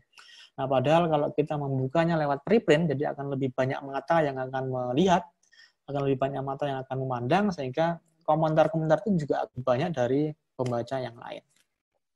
Oke, ini harapkan Bapak Ibu yang ada di kegiatan ini juga mendukung terkait dengan open access ya Nanti mudah-mudahan di bulan depan, di bulan Oktober akan ada Open Access Week yang dilaksanakan di Indonesia. Harapannya demikian ya. Mudah-mudahan uh, ada hal baru yang Bapak Ibu dapatkan dari kegiatan ini ya. Khususnya terkait dengan Green Open Access tadi, harapannya demikian ya. Saya kira itu untuk Mas Yoris, saya kembalikan Mas. Mudah-mudahan masih ada waktu untuk tanya jawab ya. Baik, terima kasih uh, Pak Erik atas informasi materi yang disampaikan oleh beliau. Dia menjelaskan dengan jelas dan komprehensif tentang open access. Dipersilakan Bapak Ibu jika ada yang ingin bertanya bisa melalui chat atau langsung uh, bertanya langsung kepada Pak Erik, dipersilahkan. Bisa nanti BPU bisa uh, atau saya uh, membacakan dulu pertanyaan dari Pak Helmi. Uh, beliau bertanya tentang jurnal yang saat ini sudah volume 1 sampai 4 yang awalnya itu hak kita dipegang oleh jurnal. Kemudian mungkin pada volume 5 mau diganti eh, kebijakan hak ciptanya, apakah diperbolehkan seperti itu. Ya. Nanti mungkin akan Pak kalau sudah dijawab nanti akan eh, kita sambung dengan Pak Eko yang sudah siap penanya. Silakan Pak Eri. Dari, ya, dari Pak Helmi ya? Pak Helmi. Pak Helmi ya. RJI. Oke. Okay. Iya. Nah, begini Bapak Ibu, sebenarnya uh, kebijakan jurnal itu kan dinamis ya. Kebijakan jurnal itu kan dinamis. Jadi termasuk dengan fokus area gitu ya. Jadi sekarang mungkin baru menerima 10 fokus. Jadi Bapak Ibu bisa menambahkan misalnya 5 fokus baru lagi di di edisi berikutnya. Termasuk juga terkait dengan di uh, hak cipta. Nah, Nah, saran saya setiap perubahan, karena biasanya hak cipta ini kan terkait dengan DOAJ nanti ya, setiap ada perubahan itu di kebijakannya nanti juga harus dirubah. Jadi jangan sampai lupa Bapak Ibu ya. Jadi setiap ada kebijakan baru, kalau bisa itu dikasih announcement gitu ya, kasih announcement dan kemudian di, di, di update juga deskripsi yang yang Bapak Ibu ubah tadi. Nah, termasuk pihak-pihak eksternal yang mungkin terkait dengan pengindeks dan lain sebagainya itu juga harus diupdate. Nah, kalau terkait dengan hak cipta, ini saya yakin pasti akan uh, terkait dengan indexing di DOAJ ya. Memang di DOAJ itu tidak mempermasalahkan Bapak Ibu ya, apakah hak ciptanya itu di tangan uh, penulis atau di tangan penerbit ya. Tapi seperti saya sampaikan tadi, kalau yang open access itu yang benar-benar open access itu uh, hak ciptanya di tetap di penulis, kemudian lisensinya CC BY. Nah, itu juga tergantung dari topik Bapak Ibu semuanya. Apakah memang harus di apa dipegang oleh penerbit, nah, tapi harus ada argumennya. Kenapa kok harus ada di penerbit begitu ya? Nah itu tadi kalau ada perubahan, saran saya tetap diupdate di kebijakan jurnalnya. Kemudian juga diupdate pihak-pihak yang mungkin terkait dengan indexing, terutama di DOAJ. Mudah-mudahan menjawab ya Pak Helmi ya. Baik, terima kasih Pak Erik. Ya. Mudah bisa terjawab sudah siap. Di sini ada penanya kedua, yaitu Pak Eko Wahyu. Uh, dipersilahkan Pak untuk uh, bertanya langsung kepada Pak Eri.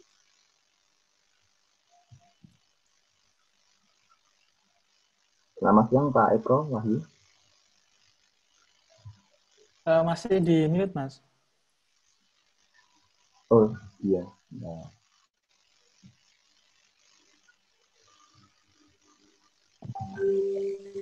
Oke, terima kasih. Assalamualaikum warahmatullahi wabarakatuh. Waalaikumsalam. Uh, nama saya Eko Wahyu dari Banjarmasin, sudah kenal mungkin kawan okay. Jadi gini mas, itu tampaknya mulai mulai sekarang itu memang selain ditampilkan di IR atau repository kampus, biasanya juga uh, para author itu juga menaruh artikelnya juga di preprint. Sehingga kalau dicek similarity pakai Turnitin, itu biasanya langsung nangkepnya eh, berapa persennya itu memang di memang di mana? Memang di situ akan ditambahkan misalnya di preprint misalnya 50 persen gitu ya. Di IR mana gitu 50 persen. Nah Terus kapan hari kan saya juga pernah tanyakan tuh mas, e, standar kita untuk dinyatakan sudah, apakah itu dinyatakan sudah terbit apa belum gitu ya. Nah terus, tapi kan dari Mas Heri, e, pokoknya selama belum terbit dalam yang tidak mempunyai ISSN dan ISBN, maka dia belum pernah terbit gitu ya mas. Nah kemudian e, berarti kalau misalnya setiap orang mengupload di preference itu kemudian eh, tidak tanpa melalui proses review juga ya mas ya. Misalnya, jadi orang itu langsung upload sama kayak IR begitu ya mas. Ya. Berarti intinya dia hanya meng, statusnya mereka itu apa berarti mas? Itu publish atau hanya menitipkan artikel gitu aja mas? Jadi kan ya statusnya mereka itu apa mas? Nah terus statusnya itu apa gitu loh mas? Maksudnya bukan ya mungkin apalah itu ya. Terus yang kedua gini mas, itu kan tadi Mas Ari juga juga jelaskan ada beberapa jurnal yang berbahaya, tapi juga bisa diakses lewat uh, green access gitu ya, yang uh, bisa kita baca sebagian isinya, bukan semuanya gitu ya. Apakah di dalam apakah di dalam kita membaca itu, kemudian kita menuliskan citasinya, itu berarti termasuk legal. Itu ya Mas. Itu aja Mas, terima kasih. Oke. Okay. Oke, terkait tadi ya, terkait preprint dan drone 18 tadi ya. Nah, sebenarnya gini Mas, prinsipnya itu kan sebenarnya yang namanya preprint atau namanya postprint itu sebenarnya kan adalah draft kita, Mas. Selama ini kan draft kita itu kan ditutup kan ya. Dan itu kan sirkulasinya hanya kita dan para pengelola jurnal kan. Nah, nah e, secara sederhananya eh, itu adalah e, apa manuskrip itu yang kita buka, Mas. Sebelumnya kan hanya disimpan di komputer. Nah, tapi itu kita buka sehingga bisa dibaca oleh orang banyak dan bahkan tanpa batas begitu ya. Nah, makanya kalau kalau saran saya kalau jurnal terutama teman-teman di Indonesia ya, silakan Bapak Ibu buat kebijakan terkait dengan preprint bagaimana sehingga nanti Bapak Ibu bisa mengambil sikap. Jangan sampai Bapak Ibu melarang tapi kebijakannya nggak ada. Loh, lagi mana? Bisa melarang kalau saya sering saya tanya juga, misalnya pernah ya suatu saat ditanya, Mas nanti kalau artikelnya sudah terbit ya, artikelnya sudah terbit, artikelnya open access nih, yang goal open access ada isinya. Kalau nanti artikelnya Mas sudah terbit ya, Mas kan dapat PDF-nya. Jangan diupload di ResearchGate, jangan diupload di Akademia Edu. Saya balik nanyanya, kebijakannya ada nggak Mas? Nah, kebijakannya dituliskan, jangan hanya di dijaprikan ya, dituliskan sehingga banyak orang memahami itu, Mas. Jadi sehingga nggak banyak orang nyantol-nyantolkan artikelnya di ResearchGate tanpa tanpa ada tanpa ada suatu hal yang dia pahami. Jadi banyak autor yang mencantumkan artikel-artikel yang publish yang di yang pernah publish itu di ResearchGate dan di Akademi Edu. Saya yakin mas karena mereka belum mengetahui kebijakannya itu mas. Jadi nggak tahu ini boleh apa enggak itu belum tahu mas. Ya. Makanya jurnal-jurnal saya sarankan untuk membuat kebijakan itu. Nah, tadi kan sudah ada contohnya nih, misalnya di ResearchGate, misalnya di apa di Akademia Edu, diperbolehkan apa enggak? Misalnya artikel dari dari saya publish di jurnalnya Mas Eko. Setelah saya publish ya, boleh enggak di saya submit di sana, saya cantolkan di sana, ya. Terutama dengan, dengan preprint dan postprintnya yang, yang yang lebih utama ya. Nah itu kalau dicek tadi saya sarankan ini tadi mas di di anunya mas di sininya nah di sininya bisa dicermati di sini ya. Kalau bisa itu ada tanggal submitnya. Sehingga nanti ketika dicek ini artikelnya kelihatan di komparasinya. Ini sama dengan artikel mana? Artikel artikel yang sama itu dia postingnya tanggal berapa? Nah dan di sini saya harapkan juga ada status artikelnya. Jadi artikel ini misalnya seperti ini kalau ada contohnya jadi artikel apa preprint ini disubmit di jurnal mana? Kalau jurnal yang dituju adalah jurnal yang ngecek turn 18-nya, ya wes teman. Nah ini kan memang saya mau masukkan di jurnalnya sampean mas gitu ya. Nah memang baiknya ada itunya mas. Selama ini preprint nggak ada keterangannya itu. Yang penting preprint sehingga orang bingung. Ini mau submit di mana sih preprint ini? Nah ini kalau yang bagus ada itunya, ada keterangan itu. Ini contoh ya. Nah, this is a preprint submitted to policy mana tadi?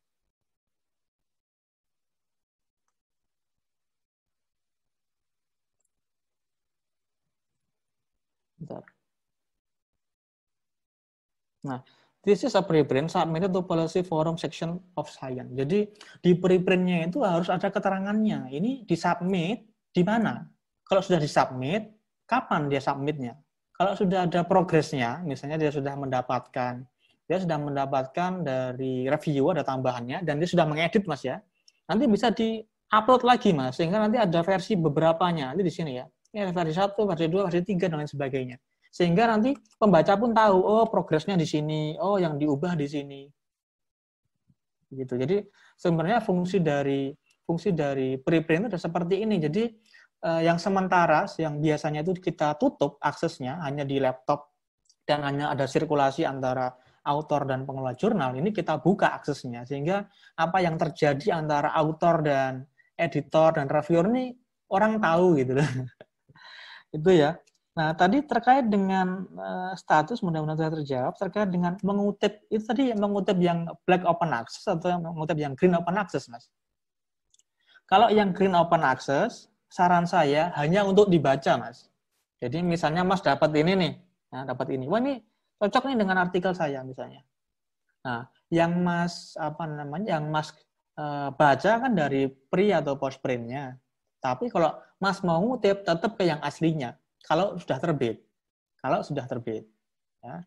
Kalau belum terbit bagaimana? Nah, sekarang kebijakan jurnalnya lagi. Jurnalnya menerima nggak kalau ada artikel yang mengutip preprint? Di luar sudah model apa preprint dikutip. Nah, itu monggo nanti kita bisa jadi pembicaraan lebih lebih lanjut lagi terkait dengan preprint karena saya yakin juga uh, uh, hal baru di di jurnal di Indonesia meskipun juga di global juga hal baru Nah, mestinya kita juga mengantisipasi uh, adanya preprint ini lewat kebijakan, Mas, kalau di pengelola jurnal ya. Gitu. Jadi, kalau kita baca lewat pre atau post print, kalau kita mau ngutip lewat yang publisher aslinya. Dengan catatan kalau itu sudah terbit, sudah terbit. Itu ya. Mudah-mudahan terjawab, Mas ya. Mungkin ada yang belum terjawab. Oke, oke, Mas. Terjawab, Mas. Ya, terima kasih. Ya, terima kasih Pak Eko Wahyu. Uh, mudah-mudahan uh, terpuaskan atas jawaban dari Pak Erik. Izin membacakan pertanyaan selanjutnya dari Pak Budi Hamudin. Uh, nanti silahkan Pak Erik bisa lihat chat ya. Ada seperti link Google Drive. Jadi pertanyaan beliau apakah transfer agreement seperti ini sudah win-win solution untuk pengguna jurnal dan author atau tidak Pak? Gitu. Rela ini ya? Rela.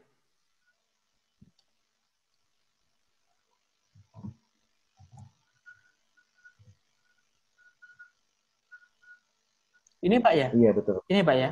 Betul. Ya. Rela ya. betul. Betul, betul sekali Mas Erik.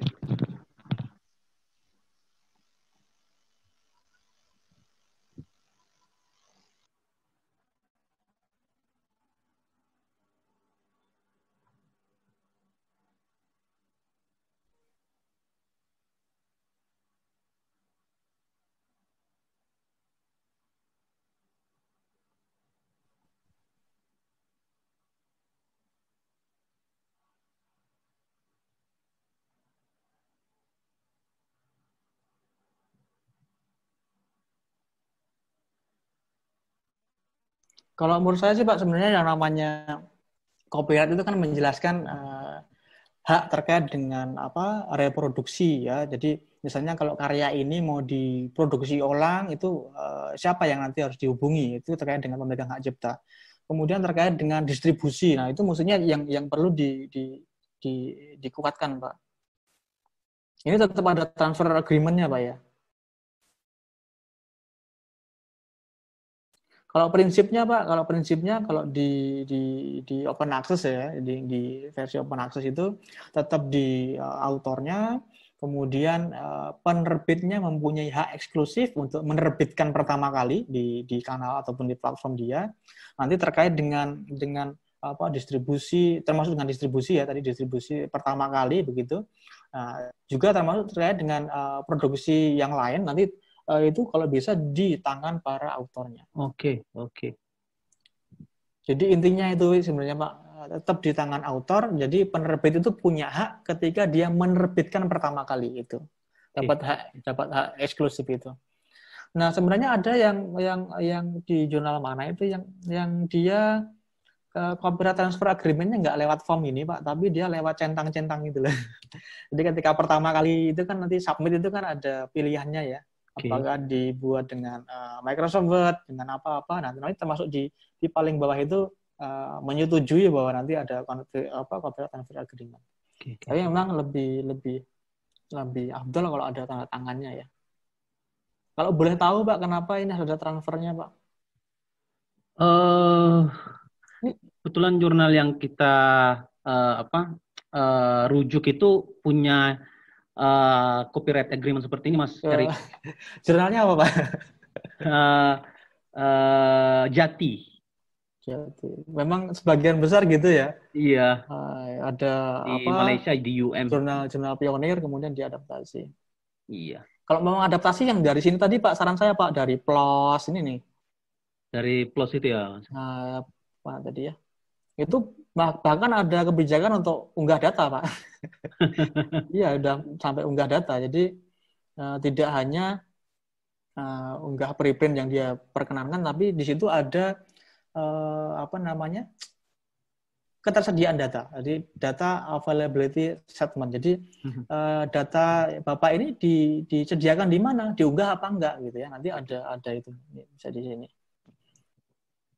Nah, jadi kalau saran saya Bapak Ibu ingin mengadopsi kebijakan jurnal, saran saya Bapak Ibu bisa adopsi dari jurnal-jurnal ini ya, terutama dari PLOS ini, dari PLOS.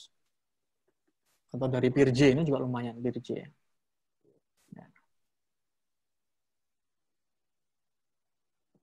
Sebenarnya sih nggak krusial sih kalau menurut saya kalau harus di, di, dipegang di, di, di apa di penerbit gitu ya penerbit. Nanti karena itu nanti urusannya ke penerbit Pak. Misalnya nih, misalnya.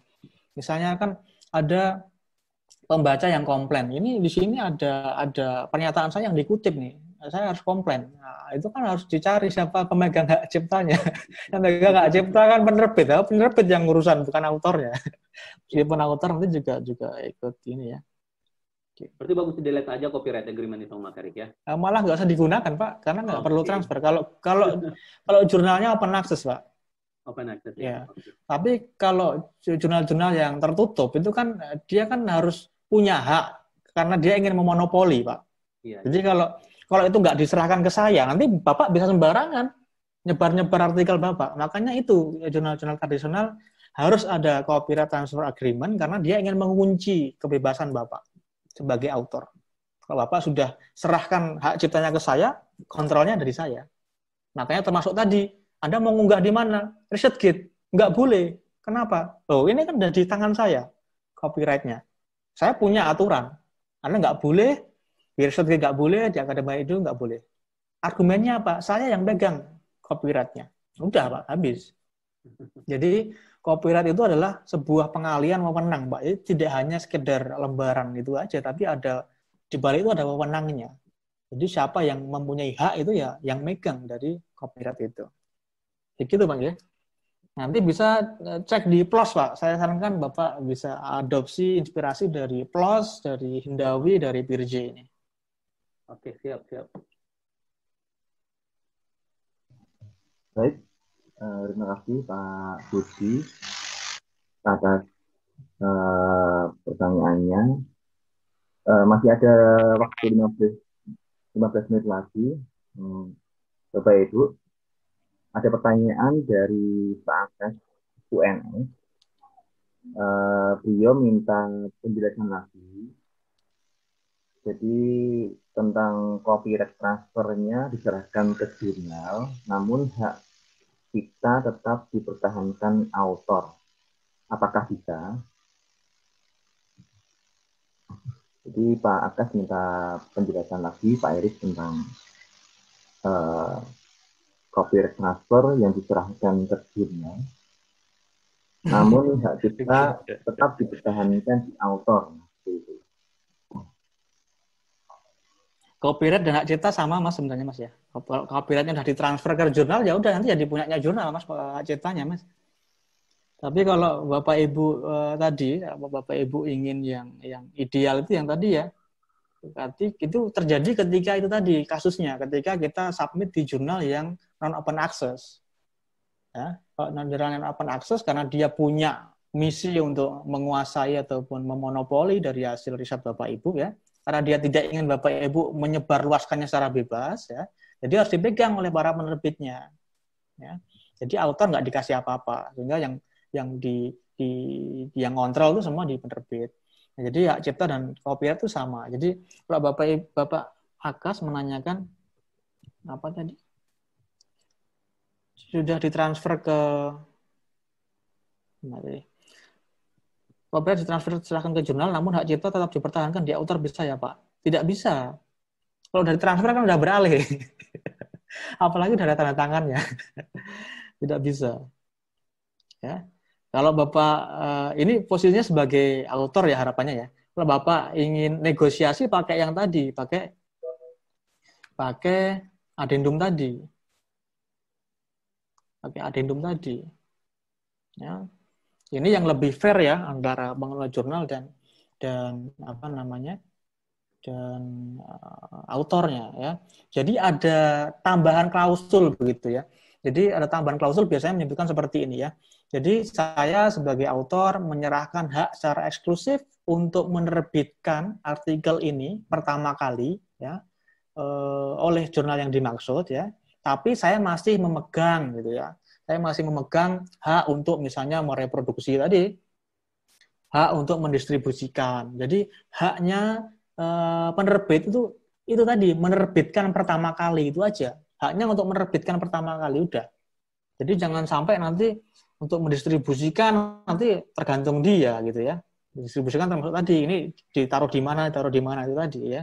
Nah ini kalau bisa di sini. Jadi tetap di autor autor tetap memiliki haknya karena nanti kalau mau di apa dikembangkan diubah wujud dan lain sebagainya itu tergantung uh, izin dari para pemegang hak ciptanya.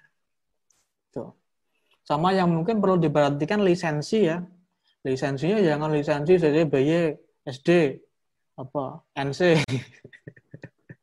uh, berat banget ya. Termasuk juga Bapak Ibu cermati sebenarnya di balik lisensi itu apa toh efeknya, apa atau impactnya dari dari lisensi itu kepada para autor gitu ya. Itu jadi intinya kalau sudah ditransfer itu tidak bisa dipegang lagi oleh para autor. Nah, hanya kalau di adendum ini ditambahi klausulnya, begitu ya, ditambahi klausulnya. Jadi autor tetap mempunyai hak untuk ini, untuk ini, untuk ini, begitu. Jadi supaya tidak semuanya itu di, di, dikelola ataupun dikuasai oleh penerbit. Dan ini biasanya terjadi kalau kita submit di jurnal-jurnal yang non open access, Pak. Oleh kalau jurnal yang open access biasanya udah biasanya normalnya ya di, di tangan di tangan autornya tanpa harus kita kita tanyakan begitu. Begitu mudah-mudahan uh, terjawab Pak Akas ya. Terima kasih Pak Erik. Uh, ada pertanyaan Pak Erik uh, dari Telegram ya. Telegram. Uh, apa ya? Jadi apakah kemungkinan Eh, artikel-artikel yang dilakukan preprint itu bisa tertolak di jurnal. Gimana mas? Apakah kemungkinan artikel-artikel yang artikel-artikel yang kita lakukan preprint bisa tertolak kalau kita submit di jurnal. Oke. Okay. Karena ada ketakutan eh, penulis-penulis di Indonesia itu uh, ketakutan tadi tadi yang disampaikan Pak Eka Wahyu yeah. tadi tentang uh, titik pemimpin tinggi gitu okay. untuk okay, baik. kemiripan.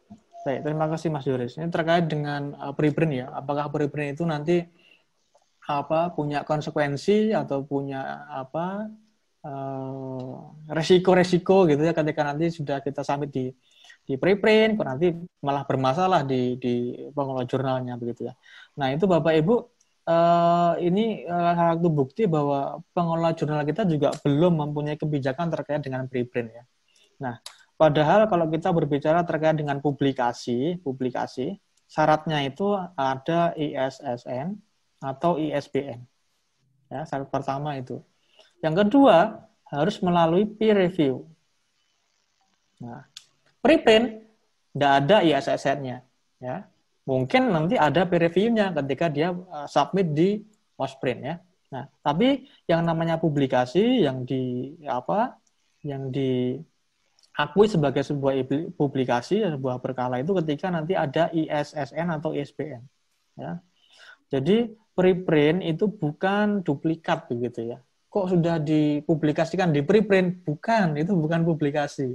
Itu hanya artikel yang uh, seyogianya itu kita simpan dalam komputer tapi kita buka untuk untuk umum gitu ya. Nah itu. Dan ini juga termasuk apa uh, saya minta tolong kepada teman-teman pengelola jurnal uh, sesegera mungkin uh, buat kebijakan terkait dengan preprint ya. Apakah mendorong atau gimana gitu loh.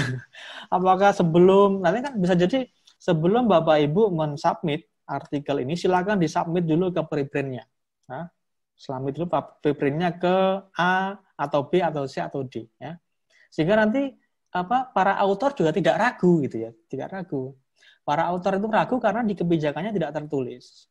Nah, dan sebenarnya itu bisa ditanyakan nah, ke editornya gitu ya, ke editornya tanya dulu lebih dulu. Mas, saya boleh nggak nih, uh, saya mau submit di jurnal Mas, tapi saya mau apa publikasikan ataupun saya unggah juga di preprint server artikel saya ini. Boleh nggak? Nah, itu bisa dikomunikasikan lebih dulu. Nah, tapi memang biasanya yang terjadi itu tadi dicek similarity tinggi karena sudah tayang di preprint server. Nah, itu Mas Yoris, ini juga jadi PR kita bersama teman-teman pengelola jurnal terkait dengan preprint ya.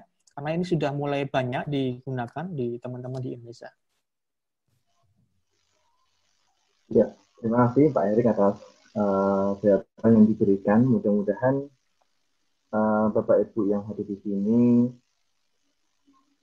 dapat terbuka atas pemikiran atas uh, informasi tentang open access. Sehingga ini penting sekali untuk para autor kemudian pengolah jurnal juga. Uh, masih ada waktu 8 menit. Nah bagi bapak ibu kita silahkan bertanya kalau tidak ada yang ditanyakan mungkin uh, Pak Erik ada uh, ending statement atau kata-kata yang lain silahkan. Uh, tidak ada sebenarnya mas, saya minta permintaan aja. Permintaan. Permintaannya nanti open access week mas. Nanti di bulan Oktober kan ada open access week nih. Nah kita bisa bisa bisa bikin kegiatan di di di bulan itu di bulan Oktober uh, di pertengahan kalau nggak salah tadi ya. Nah, itu bisa kita jadikan sebuah momentum untuk tadi misalnya buat kebijakan preprint gimana sih begitu ya. Nah, sehingga teman-teman uh, itu juga ikut berkontribusi terkait dengan keterbukaan akses ya. Tidak hanya lewat yang gold open access tadi, tapi juga bisa lewat yang green open access ini yang tidak banyak dimanfaatkan oleh para penulis. Nah, itu mudah-mudahan bisa memberikan gambaran. Jadi kalau open access tidak hanya melulu lewat jurnal, tapi bisa kita sendiri kita buka artikel kita gitu ya, lewat reprint maupun postprint. Begitu Mas, mudah-mudahan ada manfaatnya. Baik, terima kasih uh, Pak Erik. Berkesempatan hadir di Zoom webinar LCI Jateng karena kesibukan beliau sangat banyak sekali. Harapannya pada kesempatan uh, hari ini Bapak Ibu bisa mendapatkan ilmu yang bermanfaat sehingga nanti Bapak Ibu bisa menularkan uh, informasi ini kepada halayak luas lagi seperti itu. Nah, Bapak Ibu yang saat ini membutuhkan materi atau rekaman webinar atau mungkin sertifikat, silakan Bapak Ibu bisa cek di chat dan saya kirim link yang bisa Bapak Ibu uh, baca jika Bapak Ibu mengendaki rekaman atau mengendaki materi dari Pak Erik, kemudian sertifikat seperti itu. Karena waktu sudah mulai azan asar, alangkah baiknya kita akhiri kegiatan uh, kita kali ini kami dari RCI Jateng mengucapkan terima kasih besar-besarnya kepada Pak Erik Kunto Aribowo yang berkesempatan hadir selama dua jam penuh uh, di Zoom maupun di YouTube. Mohon maaf jika ada penyampaian dari kami RCI Jateng atau mungkin narasumber yang sekiranya kurang dan uh, ada yang mungkin salah. Semoga kita bisa bertemu kembali dan berdiskusi kembali di lain kesempatan. tak lupa kita dari RJI Jateng mengucapkan terima kasih dari kepada RJI Pusat yang sudah memfasilitasi webinar ini terselenggara dengan baik. Kami dari RJI Jateng mengucapkan terima kasih juga kepada Bapak Ibu partisipan yang sudah hadir di Zoom maupun di YouTube. Nah, ini ada uh, yang yang Bapak Ibu kalau misal Bapak Ibu ingin berkonsultasi atau ingin uh, berbagi ilmu atau Bapak Ibu ingin berkontak langsung dengan Pak Erik bisa uh, klik erikkunto.com. Ini ada sedikit uh, keyword ya. Ilmu itu diberikan, bukan digenggam. Nah, ini mungkin jadi uh, penyemangat ya Pak Erik ya untuk bisa berbagi ilmu. Yang dari kami Bapak Ibu uh, sampai jumpa di webinar FD datang berikutnya. Yang terima kasih. Assalamualaikum warahmatullahi wabarakatuh.